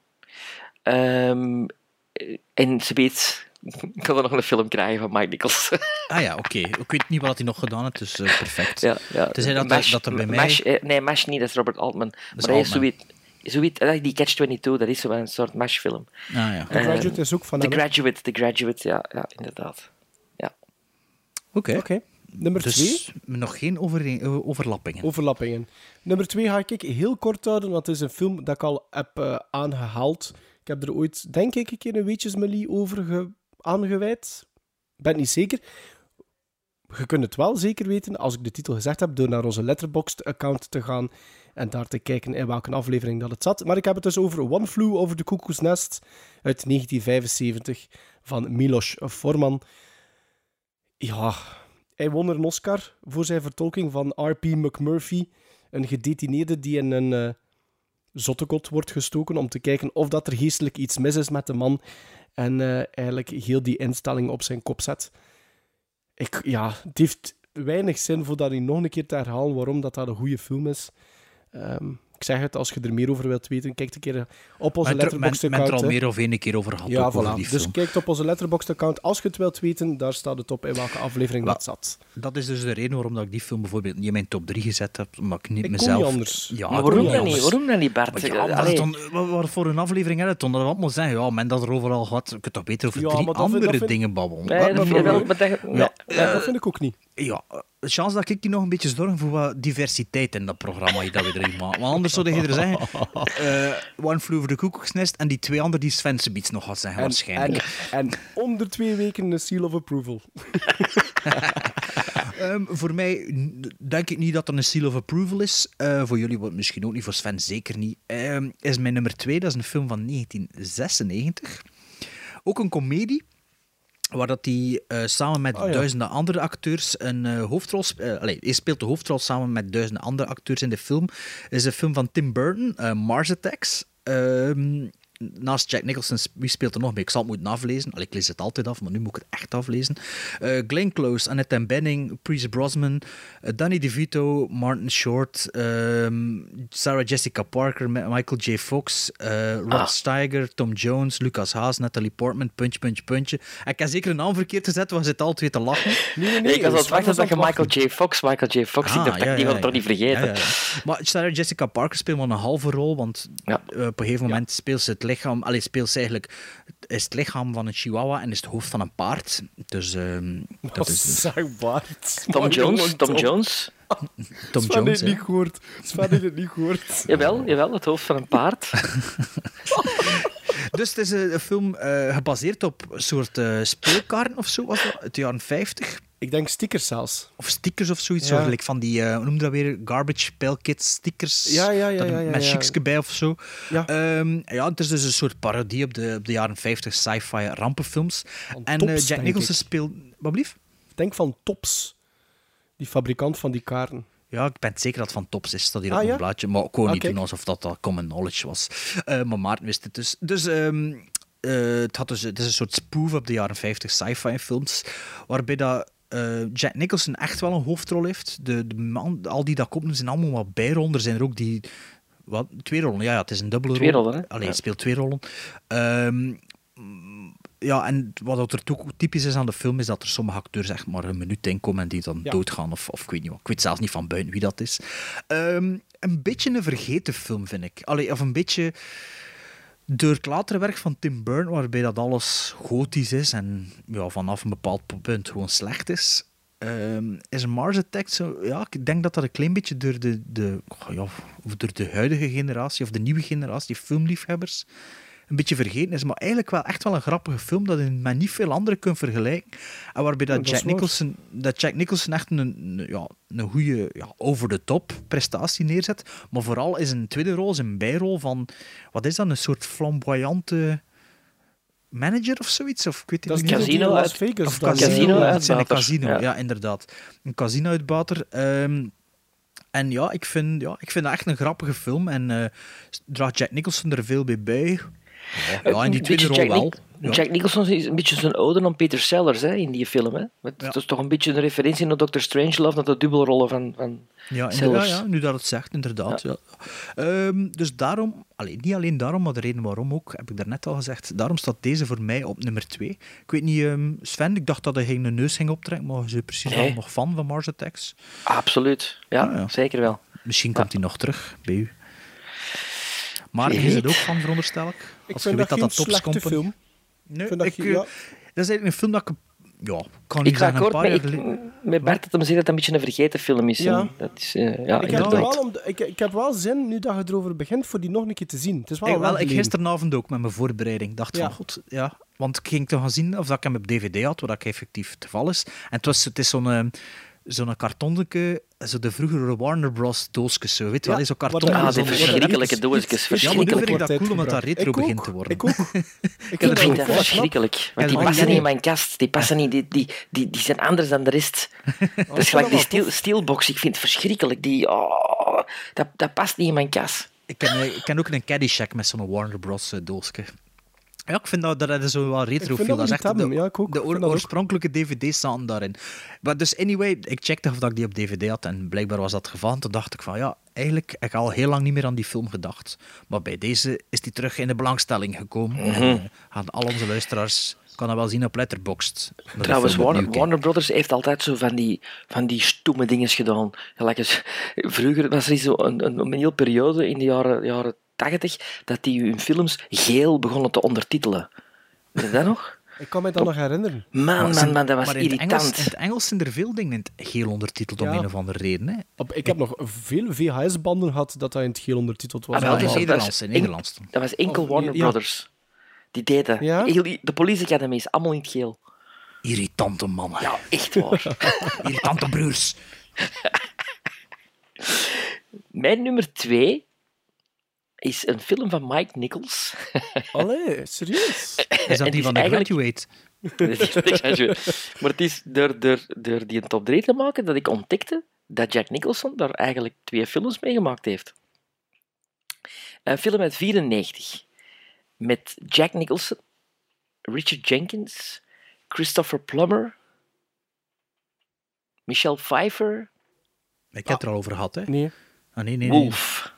Ah, Wolf. Ja, Ah, ja. met James Spader. Met James Spader ook, ja. ja, ja. Wolf is de fantastische Ja. film. Ja. Dat is een, een zwaar onderschatte film, ook, Ja. vind ik. Ja. Dat is meer dan een weerwolffilm. Dat is een film die eigenlijk gaat over ouder worden en de terug herwonnen levenssappen vinden en de jeugdige arrogantie vinden van een uitgebluste oudere man. Ja. Ik, ik, die, die film zit zo vol symboliek en is zo knap gespeeld door Jack Nicholson. Dus Absoluut. de transformatie die hij maakt is niet zozeer weerwolf. ehm, er komt op een gegeven moment wel een kleine transformatie, maar het is niet gelijk American Werewolf in Londen. Nee. Maar gewoon zijn spel, hoe dat hij verandert. Ja. Het is, is fenomenaal. Ik Staat, vind dat staat, een staat mijn onder, honorable mentions. zeer onder, ondergewaardeerde film. Ja. Prachtige muziek van Ennio Morricone ook. Ik ben ooit naar Wolf getrokken ehm, in de cinema in 94 voor, met mijn verjaardag. Ehm, ik en een maat, ik, ik, ik zei tegen ja, maat naar de cinema voor mijn verjaardag. Ja, ja, pak maar een maand mee hier, 100 frank of, of 500 frank, weet ik veel wat. Voor uw maat en nee, voor een frisco. En eh, we komen aan de cinema en we zagen dat dat kinderen niet toegelaten was. En eh, in plaats van gewoon te proberen van het ticketje ervoor te kopen, ja, we durfden dat niet goed. En ehm, maar nu kunnen wat ik nu vertel dat dat ook misschien Frankenstein was. Is er dat jaar ook een Frankenstein uitgekomen? Of niet? Ja, Mary Met, Shelley. met De Niro, hè. ja, ja. misschien was die film, maar ik ga het nu voor het verhaal op Wolf houden. Ja, je bent er nu aan begonnen. Ja, Ja. wat is dat? En eh, we, we stonden zo aan de cinema en ja, ik weet niet of mijn man nog naar de podcast luistert, maar ja, kijk, ze had dat nu weten. Dat dat, en eh, ja, we, durfden dan, we durfden dan natuurlijk niet, niet, ja, we durfden niet zeggen, ja, eh, twee keer wolf, want dat was kinderen niet toegelaten. Dus dan zijn we maar geweest, wat dat kinderen wel toegelaten was, Disclosure. Met Michael Douglas Oh, en nee. Demi Moore. Demi Moore? Ja, ja. Ja, ja, dat is zo'n zo'n early 90s soft, allee, zo'n erotische thriller. Ja. Ja. En we er vonden dat ten eerste al niets van. En het waren ook, ja, meer blote tetten en zo dan, dan, dan dat er goed voor was. Dus ja, ik kom na de film terug thuis op een zaterdag en mijn ouders aan bezoek die aan het eten was. En iedereen, ja, hoe was de film? En ik wil maar iets bij nut vinden over, over Wolf, omdat ik niet durfde zeggen dat ik Disclosure gezien had. Over wat Demi Moore die eh, Michael Douglas verkracht. Dus, eh, Dus eigenlijk ja. heb je de Wolf nog nooit gezien. Nee, ik heb Wolf nog nooit gezien. Nog maar denk hij dat? Is het waar? Ja, maar ik denk dat die, wat ik dat verhaal vertel, dat die Frankenstein was. Moet ik eens zien wat er rond mijn verjaardag in de Belgische zaal was. Hè. Dan gaan we het misschien, eh, misschien weten. Maar ja, dit eh, fijn intermezzo, een eh, kleine biecht, biecht Ook van een, mij. goeie, ook een goede James Spader daarin, hè? Ja. De, de, ja. de, de, de tweestrijd tussen die twee... Allee, Maar iedereen speelt er echt goed in. En dat Ja. is voor mij, Mike Nichols is een ongelooflijke acteursregisseur. Eh, dat is, dat is ook, die film is ook tong-in-cheek, constant. Dat is Absoluut. met een, onderliggende humor. Eh, in de muziek van Morricone laat dan af en toe zo eens doorschemeren van wacht mannetjes, het is niet echt een komische film. Het is ook wel spannend. En het, is, het is ook een romantische film. Het is, ja, ik vind dat een film die je... Je moet er niet van verwachten dat men, ja, je moet niet verwachten dat je gewoon een weerwolvenfilm zien. Nee. Maar en toch. Maar een karakterstudie. Ja, eigenlijk wel. Dan zijn we al bij de nummer 1 eh, beland, hè? Ja, het moet altijd niet zo lang duren, hè. Het is Allee, dat, hè. Het is dat, hè. Een film uit 1992 van regisseur Rob Reiner. Oh, Sven. Gewoon, nee, serieus. Jongen, alleen, nee, dat dacht ik echt. Ik heb iemand, iemand van mijn kant staan. Maar nee, oké, goed. Doe maar. Nee, nee, A ik ben few, volledig a few Good Men. top Tom Cruise.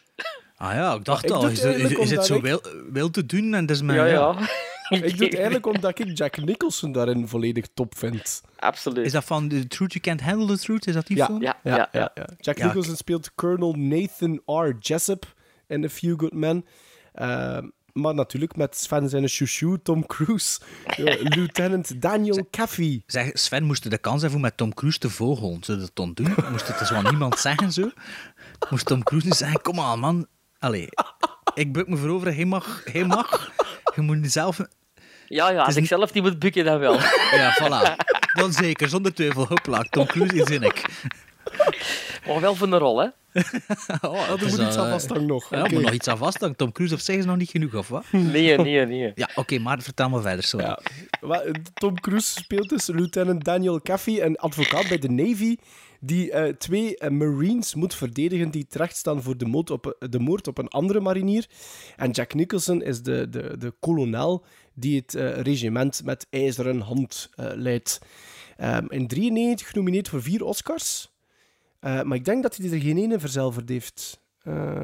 Nee. Ik denk het ook niet. Nee, maar Best Supporting Actor dus ook een nominatie voor Jack Nicholson. Ja, ik vind dat een hele mm, goed opgebouwd, grotendeels rechtbankdrama, wel. Het is een toneelstuk, hè, in Ja. oorsprong. En, en ik, ik kijk daar graag naar. Ik vind vind als, dat als dat goed opgebouwd is, eh, vind ik dat goed. En ehm, ja, ik vind, ik vind ook weer het tweespel tussen Tom Cruise, maar dat, dat bouwt hem ook netjes op.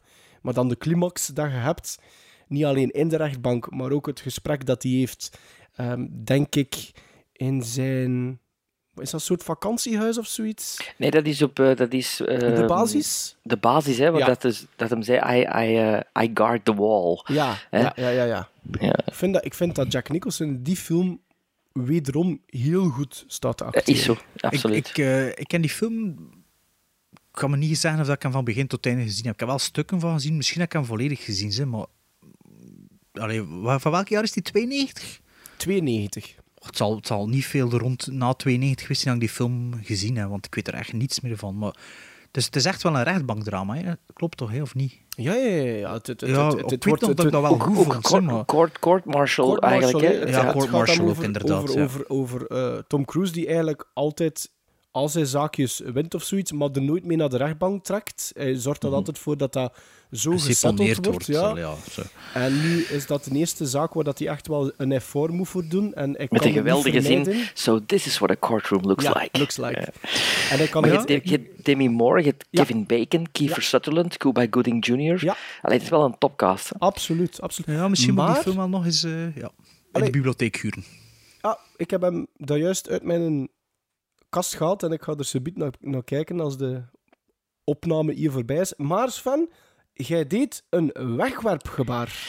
Ah ja, omdat Sven eh, een andere nummer 1 heeft waarschijnlijk. Ja, en ik had verwacht dat jij met een partner in crime zou zijn bij Ah, deze top maar 3. Ik mag eerst nog mijn nummer 1 doen, dus wacht nog even voordat je zegt dat The Shining op 1 staat.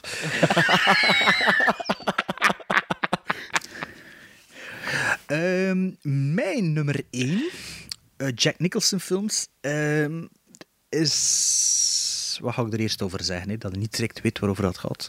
is een film van een uur en 38 minuten. Ehm, er zijn twee Oscar-nominaties geweest voor die film. Nee, sorry, vier. Eén voor beste mannelijke hoofdrol, één voor beste vrouwelijke bijrol, één voor beste film en één voor beste scenario. Geen enkele gewonnen. En het is een film dat ik eigenlijk vorig jaar of twee jaar geleden voor de allereerste keer gezien heb. Het was zo'n soort film van dat ik dacht van, holy shit, waarom heb ik u tien jaar geleden nog niet gezien? Want dat is hier echt mega goed. Het is een film van 1970 van Bob Raffleson. Eh, en dat is Five Easy Pieces. Ehm, hebben jullie die film gezien? Ik heb die gezien. Ik heb, Ja. ik heb die ooit een keer een half uur bekeken en dan heb ik gestopt. Niet omdat ik... Ja. ik Same niet, het was niet omdat dat ik het slecht vond, denk ik. Maar Ik vond het- nooit ik vond je, ja, ik, ik denk dat ik nog niet rijp genoeg was om die film te zien. Het gaat Wel, dus- over vakbond of zo, weet hè? Nee, nee, nee. Het had eigenlijk over Bobby Dupee. Dupea? Dupee? Ik weet het niet. Gespeeld door Jack Nicholson. En eh, dat is een beetje zo'n arbeider. En, en alleen zo'n blue-collar guy. Allee, het is niet echt een blue-collar guy, maar je zit dus in het zuiden van Amerika te werken bij de olieontginning. Ehm, en je woont samen met de, een maat of een, vriendin, of vriendin, Riot, heb ik opgeschreven. Ik weet niet meer dat dan een man of een vrouw is. Maar hij is eigenlijk afkomstig van een redelijk welstellende familie, muzikale familie. En eigenlijk is hij een soort piano-virtuoos. Allee, je kan heel goed piano spelen, maar eigenlijk is zijn personage heel eh, ja, eh, ambitieloos, eh, heel... ja, het is allemaal goed voor hem en het zit niet veel, het zit niet veel in, om het zo te zeggen. Ehm, maar op een gegeven moment weet, komt hij te weten van zijn zus dat zijn vader op sterven ligt. En dan onderneemt hij de trip naar zijn, naar zijn pa voor hem op zijn, sterfbed te bezoeken. En eh, dat leidt dan tot een bepaalde catharsis, om het met zo'n woord te zeggen. Ehm, waarbij dat, er- dat er weer ook... Het is, ook, het is nu echt een karakterstudie, die film. Dat het dan over, over personage, over zijn status quo en weet ik veel allemaal van alles te weten komt. Maar het is een van de weinige films, vind ik, waar dat Jack Nicholson niet dat typische klein beetje Ja. overacteren doet. Ja. Het is heel... Er zitten zo'n momenten in, maar gefundeerd. Allee, dat hij een beetje over de top is, maar door het verhaal. En heel dikwijls speelt Jack Nicholson zo ietske meer dan dat moest zijn. En hier is echt een hele ingetogen rol. Het is, maar een, het is een van zijn eerste rol, 1970. Allee, hij was al even bezig, maar Easy Rider was zo'n beetje zijn doorbraak in de speelfilms. Ja. En ehm, ja, ik moet zeggen, die film, was er zo toch ook wel redelijk zwaar van onder de indruk. Misschien is het een verhaal zoals The Night of the Hunter, dat ik hem een tweede keer gezien, dat ik dacht, hm, ik dacht wel dat het beter was. Maar er zijn echt een paar memorabele scènes in. En ehm, ja, ik zeg, na twee scènes had ik echt een reflex van, allee, of- het gedacht van, ja, waarom heb ik dan niet eerder gezien? Ik weet al twintig jaar van het bestaan af van die film hier. En eh, nu pas check Mhm. ik dat, dus... ehm, ja, ik moet dat nog eens eh, terugzien, denk Maar ik. er Ik zijn nog dat van, er zijn nog van, dat- van die titels, want als je Jack Nicholson zegt, dan, dan denk ik dat, Five, dat, dat die film ehm, vaak naar boven gaat komen. Hetzelfde heb je bijvoorbeeld met Chinatown. En Ja, wel, ja, Chinatown... Chinatown, dat is dus wat, ik vind dus Five Easy Pieces een van zijn beste, eh, allee, ietske min, allee, je moet zeggen, minder overacting Ja. rollen. Samen met Chinatown, maar dat is toch een beetje pastiche natuurlijk. Ja. En toen had je ook nog dinges van Michelangelo Antonioni, eh, met, samen met Maria Schneider van eh Last Tango in Pa- Paris. Last Tango in Paris. Eh, inderdaad, de passenger of professione eh, reporter, of hoe moet je het zeggen, weet ik veel. Dat is een, een Italiaanse film dat pokken saai is, vind ik. Ehm, maar wel schone shots. Maar daar speelt hij ook iets Ingetogener. Ingetogener, dat is het woord. En eh, daarom stond bij mij Five Easy Pieces op nummer 1. En ook voor de reden dat ik niet eh, The Shining en The Witches of Eastwick, waar we het erover had, en Chinatown. Misschien had ik ook Chinatown op één kunnen zetten, gewoon voor Sven te kloot, omdat ik dan een slechte film vind. Eh, Nee, nee, ik heb, dat is de film dat is uw nummer die ik- 1, of wat? Nee. Nee, maar ik heb er nog niet uitgekeken, omdat ik nooit niet voorbij dat eerste half uur geraak bij Chinatown. Ah ja, zo. Omdat ik dat saai vind en dat, dat, dat er gebeurt niks. Zo. Ja. Dus ik ben Maar benieuwd wat dat mijn nummer één- 1 is. Ik ben benieuwd. Jo, je zit niet benieuwd, je weet het al. Nee, ik kan daar, ik kan daar niet voorbij, man. Ik kan niet voorbij The Shining. Ik vind dat Ja. qua Dat is volste recht. maar ook qua prestatie van Jack Nicholson, kan daar niet voorbij. Ik vind dat fenomenaal. En ik, ehm, ja, iemand die The Shining nog niet gezien heeft, Hem op. Eigenlijk een, een officieuze seal of approval natuurlijk, hè, maar ja, dat, it goes without saying hè, dat dan een topfilm is. Alleen Maarten vindt dat natuurlijk geen echte film, Stephen King film, wat waarschijnlijk Maar wel ik zo maak is. het onderscheid. Ik maak Ja, het ja, onderscheid. ja. Ik vind The Shining een fantastische film, maar als het gaat over Stephen, Fing, Stephen King verfilming, gaat Stephen die, Think. Stephen, Think, Stephen King verfilming, gaat die nooit in mijn top 5 staan, bijvoorbeeld The Shining. Ik heb al uitgelegd waarom. Oké, ja, ja, absoluut. Maar dat wil niet zeggen dat ik vind Nee, The nee, maar Shining een ook een film. Het film. het stond in die top 20 aller tijden of zo, volgens Ja. mij niet. Ja, Dat ja, zou ja. goed kunnen, dat weet ik zelfs nog niet meer. Ja, maar kijk, Ah, jawel, daarom jawel, ja. bedoel, ja, kan ook Chinatown, die Witches of Eastwick, of eh, Chinatown, of eh, wat was het, Batman kon er ook in staan, en natuurlijk, ja. Maar ik heb toch voor nummer 1 gekozen met een klein beetje een ingetogen Jack Nicholson, omdat hij dat ook kon. Easy Rider zou er ook in staan. Dus, eh, Ja, mis- ja. ja, ik heb die nog langs herbekeken. Blijf goed, hè. Ja? Ik heb nog een, een honorable mention, die, die, dat was bij mij, of die stond op drie, of Heartburn. Dus ik heb lang aan het twijfelen geweest tussen een andere film die samen met Meryl Streep speelt, Ironweed. Ah, het was misschien die dat ik dan gezien heb. Die heeft Ja. wel twee Oscar-nominaties Ja, gehaald. ja, ja, ja, voor het beste... Dat, dat, dat moet ook iets zijn. Hè. Dat spelen ze twee eh, landlopers. Ja, maar ik zag zo dus de Ja, jaren ja. 80 periode van Jack Nicholson dat ik er eigenlijk niet veel van kende. Allee, voor de jaren Ja. 80, omdat hij dan zijn grootste rol gespeeld heeft, Mhm. omdat hij dan wel leert kennen. En toen vanaf de jaren 90 ben ik ermee opgegroeid zijn, maar de jaren 80 films, ja, die, die kende ik allemaal precies allee, niet echt. eh. Zo Hoffa. Hoffa is ook zo een van Hoffa, die. Van die. ja. Maar Ironweed is, is heel straf. Dan spelen ze twee landlopers die, die, allee, die eigenlijk door de, door de depressie, eh, mensen die onlager wal zijn geraakt, alles kwijt zijn gespeeld. Beetje like Kwak en- en Boemel. Kwak en boemel, maar dan... Ja. Bart zijn vergelijkingen. Of er een Robert, een en Bertrand. Robert en Bertrand. Robert en Bertrand, ja, ja, inderdaad. Maar dat is dan- vroeger dan de Dat is nog vroeger dan de depressie. Ja. Allee, ja, gelukkige verjaardag, Jack Nicholson. Hey Jack, blow out your candles, man. We gaan proberen, met als chance kunnen we nu een bumper steken van This is Jack Nicholson and you're listening to Gremlin Strike Back. Hey guys, this is Jack Nicholson. You're listening to Gremlin Strike Back. Atomic batteries to power. Turbines to speed. Roger, ready to move out. You watch, Kikili watch. you watch, Kikili watch. you watch. Kikili watch. What did a watchman watch, watch, watch, watch?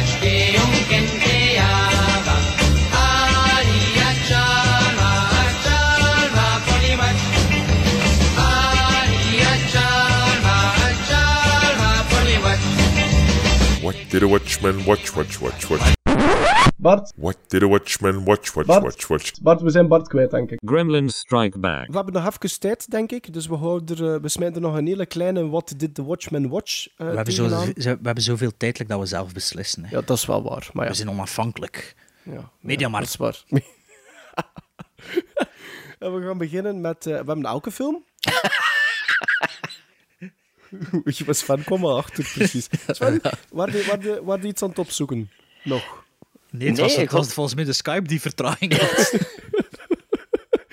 Oké, we gaan beginnen met een, eh, eh, de recentste film. Ehm, in dit segment dan toch. Eh, ik heb een film gezien vorige week. Die, eh, een film die in Bart zijn lijstje stond van eh, top 2016. Top 10 2016. Arrival? En Arrival, kijk eens aan. En ik weet dat Sven de Ridder die vandaag, vanochtend zelfs, ook Ja. bekeken heeft. Klopt, klopt. Eh, Arrival is een film die ik ehm, tot mijn grote spijt niet in de cinema eh, heb eh, gezien. Ik heb ben twee keer op punt gestaan, denk ik, om eh, naar de cinema te trekken voor Arrival. Niet doorgegaan. En eh, hij is sinds vorige week uit op DVD en Blu-ray. Ik heb hem onmiddellijk gekocht. En ehm, ja, die zou absoluut ook in mijn top 10 van 2016 gestaan hebben. Ik vind dat een fantastische film. Eh Denis Villeneuve, ik heb het al eh, laten vallen. Ik, ik, ik begin echt... ehm, ja, heel veel appreciatie voor die man te krijgen. Ik kijk nu al uit naar wat dat hij zal gemaakt hebben van eh, de sequel op Blade Runner. Maar ik denk dat ik vanaf nu gewoon die een type eh, sowieso ga, ga volgen. Ik vind Arrival heel mooi. Heel traag, mag ik eigenlijk wel zeggen. Ja, absoluut. Sven, Sven knikt eh, eh, Sven, bijzonder Sven hard. knikte met een baggerstoel op de grond. Ja, Sven was precies even een bobblehead. Ehm, nee, ik vind Arrival heel goed. Ik vind Arrival heel goed. Ik vind Arrival een film die, die ook een paar dagen blijft hangen, toch bij mij. Ehm, ja, dat, ja, Bart, nu is Bart degene een bobblehead aan het doen. Oh, Ehm, een nee, ik vind, ik vind een hele film. Ik vind het een hele goede film. Ehm, nu, ja, overdrijven Bart. Ik weet sowieso dat onze letterbox ratings krak dezelfde zijn, dus Ja, slecht maar- vind ik dat alleszins niet. Nee, nee, nee, ik vind hem niet slecht. Maar ik denk, toen dat mijn top 10 van het jaar gedaan, dat ik hem juist een dag ervoor gezien of zo. Ik denk dat Mm. hij nu misschien een klein beetje lager zou staan als ik er nu aan denk. Maar misschien, ja, misschien was dat cinemabeleving, ik weet het niet. Ik denk dat misschien iets, ietske, ja, ik weet het niet. Van mij hem nog- Misschien dat ik hem opnieuw zie, dat, dat, ehm, dat hij iets minder is. Ik weet het niet, ik weet het niet. Ik Kan, ja. Het enige minpuntje vind ik aan Arrival is eh, zeker niet het tempo, want ik, ik, het gaat traag, maar ik, was, ik zat er volledig in.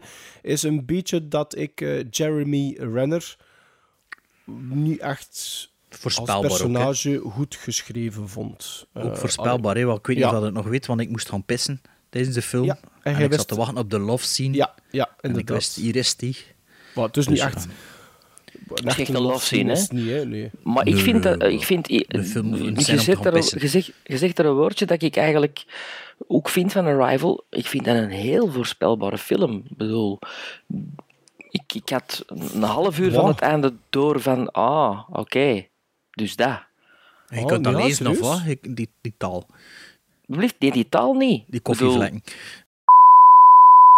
Ja, dat gaan we Ja, wegbiepen, ja. man. Ja, Ja, spoiler is dat hier. Dus je hebt nu juist wat biep gehoord, hè. Ja, maar allee, dat had ik dus wel door, hè. Ja, ik had dat... Nee. Ja, ja ik, ik denk dat ik dat ook wel voelde aankomen. Wat dat Het we nu juist beetje weggebiept hebben. het hangt er een beetje vanaf op welk punt dat zit in de film. Of dat er al een zinnetje is gezegd geweest door Amy Adams. Daarbij ga ik het Het laten. is, het is, ja, en het eerste half uur eh, heb ik trouwens sms'd van, eh, gaat er nog iets gebeuren? Want, pff. En dan uiteindelijk zie je de aliens, hè? Ja, En Wat dat zijn we van die fantastische aliens? scènes. Dat zijn Ja. fantastische ja scènes. prachtig. Ja, Toch redelijk origineel, hè, voor het gegeven. redelijk origineel. Absoluut. ja. Absoluut. Ja. Dat, vond, dat, ja, dat vind ik ook wel de sterkste scènes. Ehm Ja, wat ging ik daar maar- nu van zeggen? Ah, ja, ik ging nog zeggen iets is- over dat, dat we weggebiept hebben, maar ik zal er toch niets over zeggen. Ja, maar het- ik had constant het gevoel, Close Encounters of the Third Kind. Maar jij, jij zegt dat wel rap, vind ik ik altijd. Dus van, Ja, maar hier is dat toch wel redelijk te vallen. hè? ja, ja, maar... Ja, dat vind maar- ik wel, hè. Maar ja, ik vind het een goede film, hè. Maar Maar dan vind ik Close Encounters toch wel een stuk straffer, hè? Ik bedoel, die, Ja. dat gedesatureerd van die kleuren. Stop er Ah, maar ik ben, er, eens er wel fan van, ik. Stop ermee, stop. Ik word er onnozel van. Dat is precies altijd mist en donker. En die... Ik word eraan betaald van. Ik wil kleuren zien. Godverdomme. Silverado, hè. Silverado. Ja. Maar echt waar. Allee, dat is zo... de digitale fotografie, hè. Dat Nee, dan ben ik zo, zo, nee, zo blij met Passengers. Je moet Passengers zien. Ik, dat is van fotografie, van kleuren is dat ook science fiction, maar dat is de science fiction die ik graag zie. De, ja, rood Meer is rood. het- ja, rood is het- rood. Het, Dus- het dus- Amerikaanse, hè. Eh, Ja. Dennis Villeneuve is fan. ehm Blade Runner Ik- 2. Er zijn Denis Villeneuve, of Denis Villeneuve, en voor mij hits en misses. Ik vind Sicario fantastisch. Ik vind eh, Prisoners ongelooflijk. Ehm, Beide door Roger Deakins gedraaid, trouwens, ja, als maar cameraman. Enemy, Enemy mm, Dat vond jij niet goed, hè? Ja, Nee. mm, vond dat kut, ja. Ja. Ja, enfin, ofwel, Arrival is dan... hm, ik vond Arrival niet slecht. Ik vond dat niet slecht. En ik heb hem gezien met mijn zoon van 12 en die zat echt gebiologeerd te zien. Dus dan dacht ik van, ah, ça va. Oké, dat is goed. Want if he likes it, voor een gast van 12 jaar vind ik Arrival soms ook nog een beetje... Allez, Complex. te- Ja. Complex, traag. Maar dat was hij helemaal mee. En ook vooral door dat met, met, met het, eh, allee, de tekens en het... Ja, de taal van de aliens De eigenlijk. taal, ja. ja. Ja, ja. Dat was, ja. Dus dat vind ik allemaal wel goed. Ja, maar, blijf erbij. De, ontknoping is inderdaad een beetje, ehm, ja, hoe moet ik het. Een beetje nee, Allee, ik- je voelt het wel al lang niet- aankomen. Ik vind niet vind dat je, daarop, dat je het, het, het, het woord klef daarop kunt plakken. Eender welke andere regisseur zou dat heel klef geworden zijn, denk ik. En dat vind ik juist goed. Ik vind het voorspelbaar, like dat Sven dat juist. Ah. Dat ik zei, dat Sven zei, dat ik zei. Maar eh, ja, ik vind dat, dat dat einde voelen wel al een half uur op voorhand aankomt. Vind dat ik dat zo, ook wel, Dat dat zo in elkaar zit. Vind, allee, Als allee, je toch al veel film... Dan... Allee. Ja, dat gewoon ook wegbiepen ze. Sven, eh, Dat gaat hier, dat gaat hier een we leuke... gaan, we gaan over een andere film beginnen, want dat is een recente film, daar kun je echt wel veel aan spoilen. En Je weet ah, niet ja. hoeveel dat, dat kost, zeker Sven, voor er altijd die effectjes op te steken. Godverdomme. Ja, dat, dat is per stuk dat we dat betalen. Hè. En Sabam en al in zeven. We gaan over naar een ander film. Ah ja, maar ja. Nee, nee, gewoon. Bart gaat van 4 op 5, ik ga van 4 op 5. Op Letterboxd. Allee, op Letterboxd en Sven 3 op 5. Ja, ik, Ja. ik, ik, ik zet dat nu op 3,5 op 5, totdat ik hem opnieuw gezien heb. Ik ga dat niet Ik doen, zet, maar ik ik zeg het zet nu. Passengers op 4. Hè, om de vergelijking te maken. Twee science fiction films die back-to-back zijn uitgekomen. Hè. There are days that define your story beyond your life. Like the day they arrived. what might be called first contact. The objects measure at least. I'm Colonel G.T. Weber from Army Intelligence. Pack your bags. You're at the top of everyone's list when it comes to translations. Priority one. What do they want? Where are they from? You'll be reporting to me, but you'll be working with him when you're in the show. We hebben zelfs eh, afgelopen week een Gremlin Strike Back date gehad. Het is te zeggen, Bart en ik zijn eh, samen naar de cinema gegaan. Ja. Eh, naar Cinema Zuid, waar ze ook oudere films spelen. En dat is de film uit 71 die al heel lang op mijn watchlist stond. Wake in Fright. Andere titel, Outback. Is een Amerikaanse titel, maar de originele titel is Wake in Fright. Een film uit 71 met Donald Pleasence in een van de belangrijkste rollen. En daardoor stond hij ook op mijn watchlist, omdat, zoals je in een vorige aflevering al kon horen, ik een grote Donald Pleasence fan ben. Nu, Wake in Fright is De eigenlijk... van Ted Kotcheff, van Ted Kotcheff. van First Eh, Blood. en Weekend at Bernie's. en Weekend at Bernie's, juist, ja. Een heel uiteenlopende carrière dat die man heeft gehad. Eh, ja, Bart, eh, we zijn hem samen gaan zien en, en, en Ja, wel, we, we kwamen toe. Allee, ik was drie minuten voordat de film begin, was ik er. En toen zei hij tegen mij, ja, ik heb al die kitjes gekocht en we kunnen kiezen de, eh, de eh, gerestaureerde keuzestress. versie met Franse ondertitels of de eh, filmprojectie met tweetalige ondertitels. Wat pakken we? Altijd projectie. En ik kijk naar, naar Sven, ik zeg, ja, film, de filmversie natuurlijk, de filmprojectie. Ah ja, het zou wel zijn. Dus we gingen, we gingen Het was, binnen... een test, eh, het was een test, Bart. ja, ja, ja.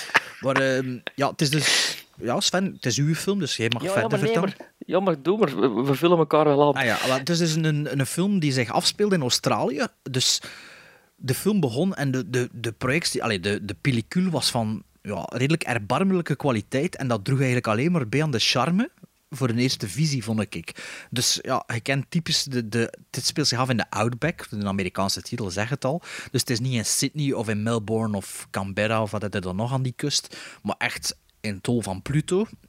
En ehm, ja, zand, zon, zweet. En ja, die pellicule deed er toch wel veel aan, hè? Dat was echt Ja, zo. en het en begint, soms met een, zo... begint met een 360 draai van de camera, dat je eigenlijk te zien krijgt dat desolaat niks in de gebeuren is, behalve twee, twee huisjes en een perron. Ja, er is Dat dus is- geen kloon te doen. Beetje, dit me een beetje denken aan het begin van Wages Once Upon a of Time in Fear. the, in the West. Wages Wages, of of Fear. Fear, Wages ja. of Fear. Er ja, zit ook een ja. scène dat, dat, we, dat we nadien zijn, dat is echt puur Wages of Fear. Maar dus het is the middle of nowhere en het, had, het verhaal gaat eigenlijk over een, een, eh, een leraar die in the middle of nowhere gestuurd wordt door een of ander systeem in, in de Australische wetgeving. Kunnen like, een lening krijgen, maar dan moet tien jaar ergens gaan werken, dat ze zeggen dat je moet gaan werken. En t- de zomervakantie begint, in de kerstvakantie in Australië dus. Het is een Engelsman, hè? Het is een, een, Engelse leraar. Die Is het eigenlijk... een, is het een Engelsen? Ja. Volgens mij wel. Hij Het is een Engelse meer... acteur. Het is eh, Gary Bond, noemt de acteur. Dus eh, je zit in die shithole waar dat er echt niets te doen is en je pakt de trein naar het dichtstbijzijnde stadje met een vliegveldje om daar eigenlijk uh, standaardags te vliegen naar Sydney. En, dat stadje is de Jabba. de Jabba. Allee, het is langer, maar ze noemen de locals noemen het de Jabba. De Jabba. En het, gaat dus over... ehm, dus je moest standaardags een vlucht halen naar Sydney, maar door een speling van het lot eh, is die blut, standaardags. Wat dat allemaal ziet in de film, maar we gaan dat nu allemaal niet vertellen. En ehm, kan hij eigenlijk niet terugvliegen naar Sydney. En ja, dan beleeft hij avonturen in de Jabba eigenlijk. En, ehm, Waar ook, denk nou, ik, George Lucas het idee heeft gehad om Jabba de Hut hè, ook in zo'n eh, eh, woestijnachtige omgeving te zetten. Ja, dat is misschien Ja, ver ik denk dat wel. Ja, Nee, maar zullen dat onderzoeken. En, en, en Close Encounters of the Third Kind. Ja, waarschijnlijk ook. Nee, maar na de film zei ik tegen Sven... Allee, ik vond dat van mezelf wel goed gevonden. Naast het western gevoel dat er een beetje het, is het eigenlijk een, een omgekeerde deliverance. Dus je komt Ja. ergens bij rednecks of wat boerkes en in plaats van dat je er je boven stelt of dat je... je trekt er eigenlijk gewoon mee op gedurende 72 uur of hoe lang. Het- Het is zo'n vrij koortsdromerachtige sfeer over ergens in een plaats zitten dat er niet wel zijn, maar je raakt er, like in een droom dat het er niet weggeraakt eigenlijk. Je voelt En de hitte ook, hè. De hitte Ja, is echt... je Allee, zit te zweten, er zit veel humor in. Ja. En eh, ja, de film was gedaan. Ik dacht, ja, was dat in, was dat in de ridder daar nu weer van vind? Dat zal te veel te kunstig zijn of te arty naar zijn smaak. En we keken naar elkaar en we zijn al twee, hoe was dat? En dat was wel echt alle twee omverge, omvergeblazen eigenlijk. Ja, Hè? ja. En wat Eh, voor een ook de runtime film- heeft dat? Eh, een uur en 48 minuten. Dat weet ik zo uit het hoofd. Dus, dus Er wordt ook flink. ontzettend veel in gezopen in die film. Ja. Maar echt gezopen. Ja. Dat je... En de camera... Waking in zou het ook kunnen noemen eigenlijk. de camera is novenant, dus op een gegeven moment wordt de bijna mee zat. Dus door, door wat er gebeurt en door de camerabewegingen en, en de acteerprestaties vind ik fantastisch. Ja, Donald er wordt Pleasence, fantastisch in, ge- in ge- in geacteerd. Je gelooft echt alles dat je ziet in die film. Hè. De, zo- sheriff. de sheriff, dat is een, een, soort, een zekere Chips Rafferty. Die, die proefde bij zijn eerste take dat hij alcoholvrij bier aan het drinken was, die acteur. En de rest van de film dronk hij echt bier. Maar drinken is misschien een understatement. Het gaat echt over zuipen eigenlijk. Het is, het is niet normaal. Ehm, blijkbaar had hij op één dag voor de ene scène 33 pinten gedronken. Ehm, er zit er Ja. bijvoorbeeld ook een, een, een, een hunting scene in. Allee, dat is... Ja, het zit, het zit een, het zit een ding, het zit een car chase. Alleen geen car chase, maar zo, dat is echt aan het rijden zijn in de outbacks met zo'n. Dat Mad Max-style, Mad. Max-stijl, adembenemend. Er zit een jachtscène in die adembenemend is, dat ook denkt, wat zit ik hier aan het zien? Toen de nasleep van die jacht is echt... Ja, bijna du jamais vu, voor het zo te zijn. Het is, Ja. het is echt... Ja, ik, ik, wil hij- hem, ik wil hem heel, heel, heel graag zien nu. ik ben thuisgekomen, ik heb een Blu-ray besteld en Ja. ik heb een origineel poster op eBay gekocht. Het, is- het was echt zo van, weer zo'n film van, waar zit hij altijd gebleven? En het is eigenlijk ook wel een feit dat hij... Ja, Het is zo'n een beetje gelijk Freaks. Eh, eh, Ja, de film, de film, film is eigenlijk neergesabeld geweest eh, omdat Ted Kotcheff een, een Canadees is. En heel veel Australiërs hadden zoiets van, wat gaat die Canadees ons nou hier zo afschilderen als een soort van uh, zuipende? Ja. seksistische boeren die niks anders doen dan, dan, dan, dan jagen, verkrachten en drinken. Ehm, dus die film is in de vergetelheid geraakt. Er zijn zelfs kopieën kwijtgespeeld. En, en door toeval is die film eigenlijk terug ontdekt, omdat een monteur van de film... Ja, de monteur van de film was zodanig onder de indruk van die film en ja, nog altijd een beetje zuur dat dat vergeten en verdwenen was eigenlijk, die film. Die heeft een kwestie gedaan, een zoektocht door alle mogelijke kopieën, om daar De eigenhandig... beste, uit, de beste uit te selecteren om te beginnen al eigenlijk. En die dan te restaureren gedurende twee jaar. Amai. Frame, frame by frame. Ja, Amai. is een vrije tijd. Ja. En die heeft hij dus gevonden, ik geloof dat hij tien jaar lang eh, de wereld rondreisd heeft. En die heeft hij gevonden in Philadelphia of Pennsylvania, ik wil ervan af zijn. In een, in een een of andere opslagplaats. Met een, rond alle... Ik denk dat dat eigenlijk de eerste negatieve, de eerste positieve... Dus pellicule wordt gedraaid op negatief, de montage wordt er gemaakt en toen wordt er een positieve kopie van gemaakt, waar dan eigenlijk alle distributiekopies van gemaakt worden, als ik juist ben. En eigenlijk heeft hij een, pos een positieve kopie gevonden, dus eigenlijk een tweede generatie Ja. beeldmateriaal. Maar dat in, in een doos waar dat op in een stond... doos waar dat op to be destroyed. Ja. Is het echt? Ja, Ja. dus daar heeft hij dat uitgevist en toen heeft hij in zijn vrije tijd, frame per frame, die verhaal, film. En nadat de eerste visie met die slechte pellicule, maar de cinematografie, dat hebben we nog niet gezegd, de beeldvoering, de, de, de belichting niet per se, maar de beeldvoering, ah, je gaat het wel al een beetje zijn, er zitten er echt magnifieke shots in. Hè? En, ja, en ook ja, dingen die in één shot verteld worden, omdat er zoveel in gebeurt. En ja, ja ik... Ja, Ik vind ja. het een, pareltje. Ja, het is Ja. een beetje een meesterwerk, vind ik. Ik denk dat Ja. Maarten hem ziet dat we misschien wel over een seal of approval kunnen springen. Maar van mij krijgt die film acht gizmos. Het is echt... En ik heb nu dus de restored, restored Blu-ray besteld. Dus ik hoop dat de, de divisie met de goede kwaliteit eh, minstens even, Even eh, goed gaat zijn. ja. even goed gaat Ja. zijn. Maar ik ken er eigenlijk geen twijfel over. Want ja, kijk, ik zeg, het is geen week geleden dat we hem gezien hebben. En ik ken nu al zin om hem opnieuw te bekijken. Mhm. Wat dat geleden was van mij sinds Wages of Fear eigenlijk. Dus eh, ja, voor onze luisteraars, die, ja, die, het is ook een beetje een horrorverhaal. Hè? Ik weet niet of Ah, dat dat, ging, dat, dat, ging, dat vroeg ik me nu af. In welk genre moeten we dat situeren dan, Wake, eh, Wake of Fright? Wake in Fright. Eh, Wake ehm, in Fright. Ja, een beetje... Wat je like zegt, er wordt wel in gelachen. Deliverance, Ja, zoek ik, dan eh, echt, ja. Deliverance, Southern Comfort. Ja, zo die stijl een beetje. ja. Ja. Zo het is- toch wel is- dat onderhuidse...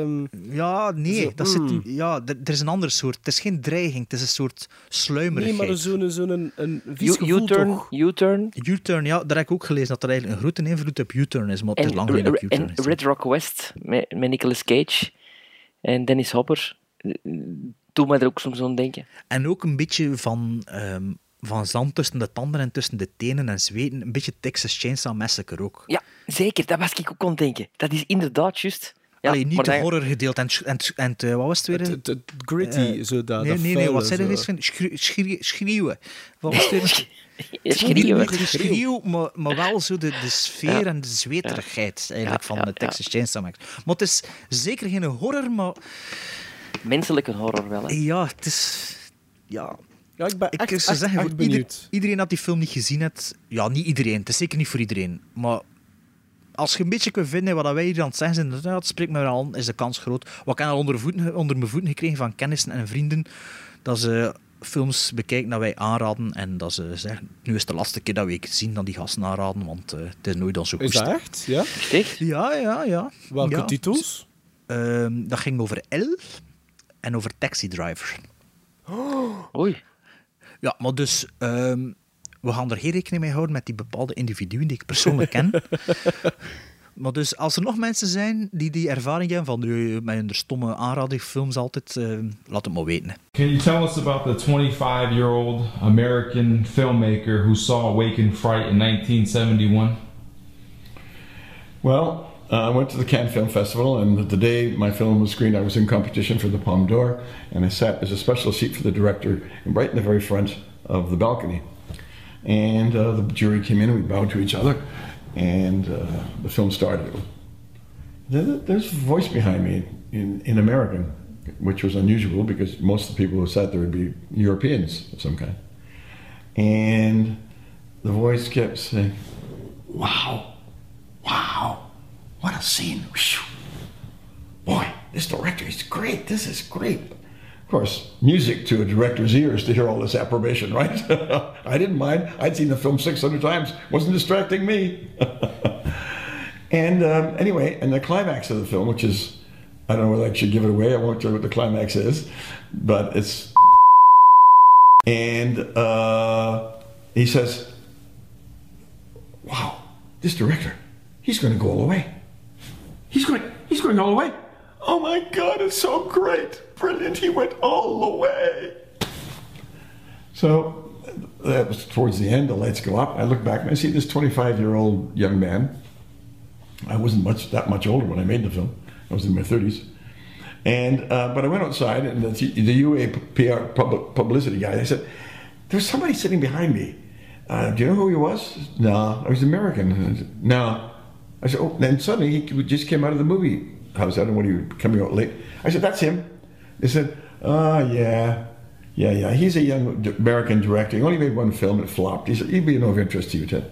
I said, well, I'd like to know his name. He said, "What- it wouldn't mean, wouldn't mean anything to you. What do you want? What, what do you want to know his name for? Just give me his name. So the other guy said, I remember. It was Martin Scorsese. Ik heb ook nog een film gezien van de week. Allee, zeggen, ik heb meerdere films gezien, maar ik ken eigenlijk wel weer een film gezien dat ik al lang wou zien, nog nooit gezien had, en dat ik toch ook weer al een beetje omvergeblazen door was. Het is nog een oudere film dan eh Waking Fright van 71. Dat is The Longest Day van 1962. Pom, pom, pom, pom. Een film... Pom, ja, pom, pom, pom. Dat is beginnen. De langste dagen. Eh, een film van bijna drie uur. Van eigenlijk, dat wat ik ook niet wist en dat ik gewoon online opgezocht heb, van vijf regisseurs. Een zekere Ken Anakin, die heeft de British Exterior episodes gedraaid. Andrew Waar dat. George Lucas de naam Anakin van heeft gehaald. Dat is echt, Ja. hè? Ja, dat zou wel Is dat, kunnen, ja? ja. Andrew Martin, die de American Exterior episodes gedraaid had. Bernhard Wicki, die de German episodes gedraaid had. Gert Oswald, die de parachuting scenes gedraaid had. En dan nog een Daryl Zanuck, uncredited. Ehm hoor het al, producer, wat speciaal is aan The Longest Day. Aan The Longest Day had dus over D-Day, de landing op Normandië. Dat is geen spoiler, dat is gewoon wat er in de geschiedenis Verhaal, gebeurd ja. is. Ehm, en wat er me direct opviel aan de film, en dat ik ook enorm kon appreciëren, is dat ieder, het verhaal wordt verteld van het standpunt van de Amerikanen, van de Britten, van de Fransen en dus het verzet, eh, en van de Duitsers. En elke, elk land of elke ding spreekt in zijn eigen taal. Niet zo ja. de Hollywood-truc dat iedereen in het Engels spreekt. Er bestaat wel een versie van dat iedereen in het Engels spreekt. En het is dus met, wie speelt er allemaal mee? Ook een heel hoop acteurs. Maar ik zal er een paar noemen. John Wayne speelt Eisenhower, denk ik. Dacht Eisenhower. Eh, Robert Mitchum, bekend van The Night of the Hunter, speelt erin mee. Paul Anka, de zanger, speelt erin mee. Eh, Henry Fonda, ik zie passeren. En Sean Connery, die eigenlijk de Longest Day scènes gedraaid heeft, juist voordat hij aan Dr. No moest beginnen. Dus Ah, ja. Juist voor zijn grote doorbraak. Eh, de film had eh, twee Oscars gewonnen. één voor beste special effects of visual effects en één voor beste cinematografie. En ik kan die alle twee wel volgen, die Oscars, want eh, het is tot, voelt totaal niet gedateerd. Dan. De, de, de visuele stijl, eh allee, er zitten echt zotte shots in dat nu misschien simpeler zou zijn. Maar ehm, ja, vond het echt eh, mega goed eigenlijk. En het is een film van drie uur, maar begint om, om zes uur, om acht uur s'avonds te kijken en je zit nog altijd om elf uur in je bed als je wilt. Ik vind het echt een aanrader. Eh, ik heb hem eigenlijk bekeken als voorbereiding op Dunkerk van de zomer. En Ah, ik ja, heb ja. toch al twee of drie shots gezien dat ik in de trailer of in de teaser van Dunkerk, allee, of de, de preview van minuten daar. ja, dat ik daar toch al in gezien heb. Dat ik dacht, ja, dat is, eh, dat is boem erop. Hè. De, de, ja, de special effects, de ontploffing, de massascènes. Ja, ik weet niet, eh, Sven, hij hem gezien, dat weet ik. Maar ik weet niet of jij hem gezien hebt. de Lang geleden. zeg. Denk ik hier Er, zo er de bestaat ook een eigen, een eigen kleurde versie van, maar ik ken de zwart-wit versie Oh, gezien. dat moet je niet doen. Dat moet je niet doen. Nee, je moet ik heb de dat zwart-wit versie gezien. dat- ja. ja. Ja. soms zie je iets in kleur zonder dat je weet dat het zwart-wit versie is eigenlijk. Tuurlijk, Dat is tuurlijk. Ja, Ehm, ja, ja, ik vond eh, echt een topper. En ja, totaal geen trage film. Ook al duurt het drie uur. Spannend van in het begin. Want het begint voordat ze... Allee, het is niet zoals Saving Private Ryan, dat ze er plots staan in Normandië, maar echt een beetje de voorbereiding en de stress. Bij de, want er was een storm de dag ervoor en gaan we nu gaan of niet? Want ze stonden al zes weken stand-by, of drie weken stand-by, whatever. De Duitsers die eigenlijk niet verwachten dat ze gaan komen via Normandië en zo. Dus eh, ja, maar Sven, je had er de- een goed verhaal van, zeker? Ah, Ja, allee, of goed zeg eens verhaal, maar dat ja. ging zeggen. Zeg eens maar. Ja, de, de, de klik-klik-scène vond ik ook zo... Ze Ja, hebben zo ja. een soort van... eh, ja, hoe noemt dat? Een klikker? Ja, een klikker is zo... Zo klik, dat klik, vroeger klik, de Vlaamse kermis kon winnen. Hè. Ja, en, en dat is eigenlijk... Daar spreken ze hun, hun tekens mee af. Ja. In een donkere. Dus, om, dus om ene- te weten... Wel, dus ze springen elkaar inderdaad... eh, ze springen af één keer klikken, wordt beantwoord door twee keer klikken, hè, zodat je weet... eh, dat er, dat Ja. er een eh, kameraad van u zit. hè. En zie je de, ja, de, de, de landing van Normandië en verschillende personages die eruit gelegd worden, die niet per se allemaal lang leven, maar die zo... Ja. Ja. En dat mijn, mijn, eh, mijn overgrootvader... Ja, eh, je had nog een verhaal, dus Ja, mijn, overgrootvader die, die, eh, heeft in het eh, leger gezeten. Dat was een beroepsmilitair. Maar ook een, een, een verzetsleider in Antwerpen geweest. En die waren allemaal met heel zijn, zijn, ja, het verzet en, en, en mannen van het leger uitgenodigd op de officiële Europese première in eh Cine Rubus eh, in, in Antwerpen. En die zaal moet muisstil geweest zijn gedurende heel die film, omdat het eh, zo is mij dan ook verteld, heel waarheidsgetrouw was. Eh, en die gasten, effectief, die, die, die regisseurs, ik ken Anakin, en die hebben ook ehm, eh, echt, echt materiaal dat ze dus gefilmd hadden tijdens de oorlog, ook verwerkt. Ja, in ja, je de- ziet dat wel. Ja, ja, in de- ja. Op een gegeven ja. moment ja, zit er zo wat shots in dat je denkt, wow. Want En dat waren ook, aan de, aan documentaire draaiers tijdens de oorlog, ook die regisseurs. Ik heb van de week een artikel zien passeren over regisseurs die eh volunteerden, allee, ehm, vrijwilliger waren om in de Tweede Wereldoorlog naar het front te gaan als regisseurs of als Mhm. cameraman. Maar ik heb, denk er nu juist aan, moet nog lezen. Ik denk dat John Ford er ook bij zat.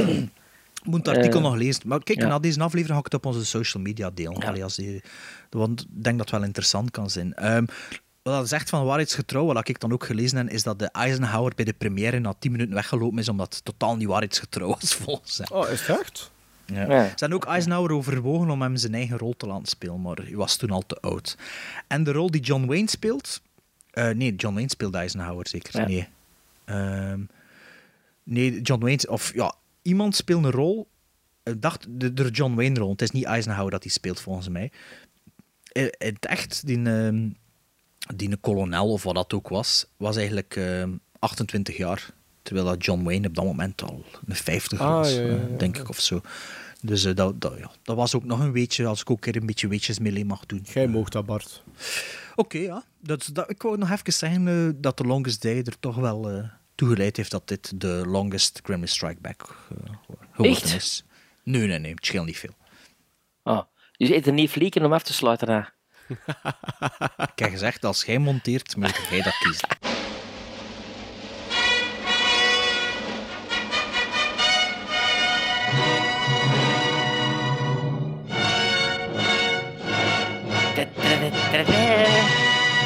Aflevering 34 is achter de rug van eh, Gremlin Strike Back. Het is wederom, Eindelijk. Het is Eindelijk. wederom een iets langere aflevering geworden, blijkbaar.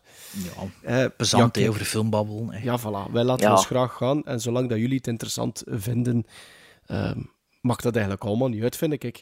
Eh binnen twee weken zijn we, terug, eh, zijn we er terug voor 35.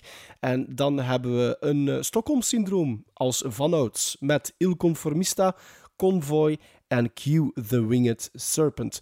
En Gevolgd door iets modern, hè. Ah, wel, voilà. Ik ging juist zeggen, Ah, ja. zoals dat Bart daar juist in de aflevering ook al zei, gaan we dat wel wat compenseren met een moderne top 3. Now, was that civilized? No, clearly not. Fun, but in no sense civilized.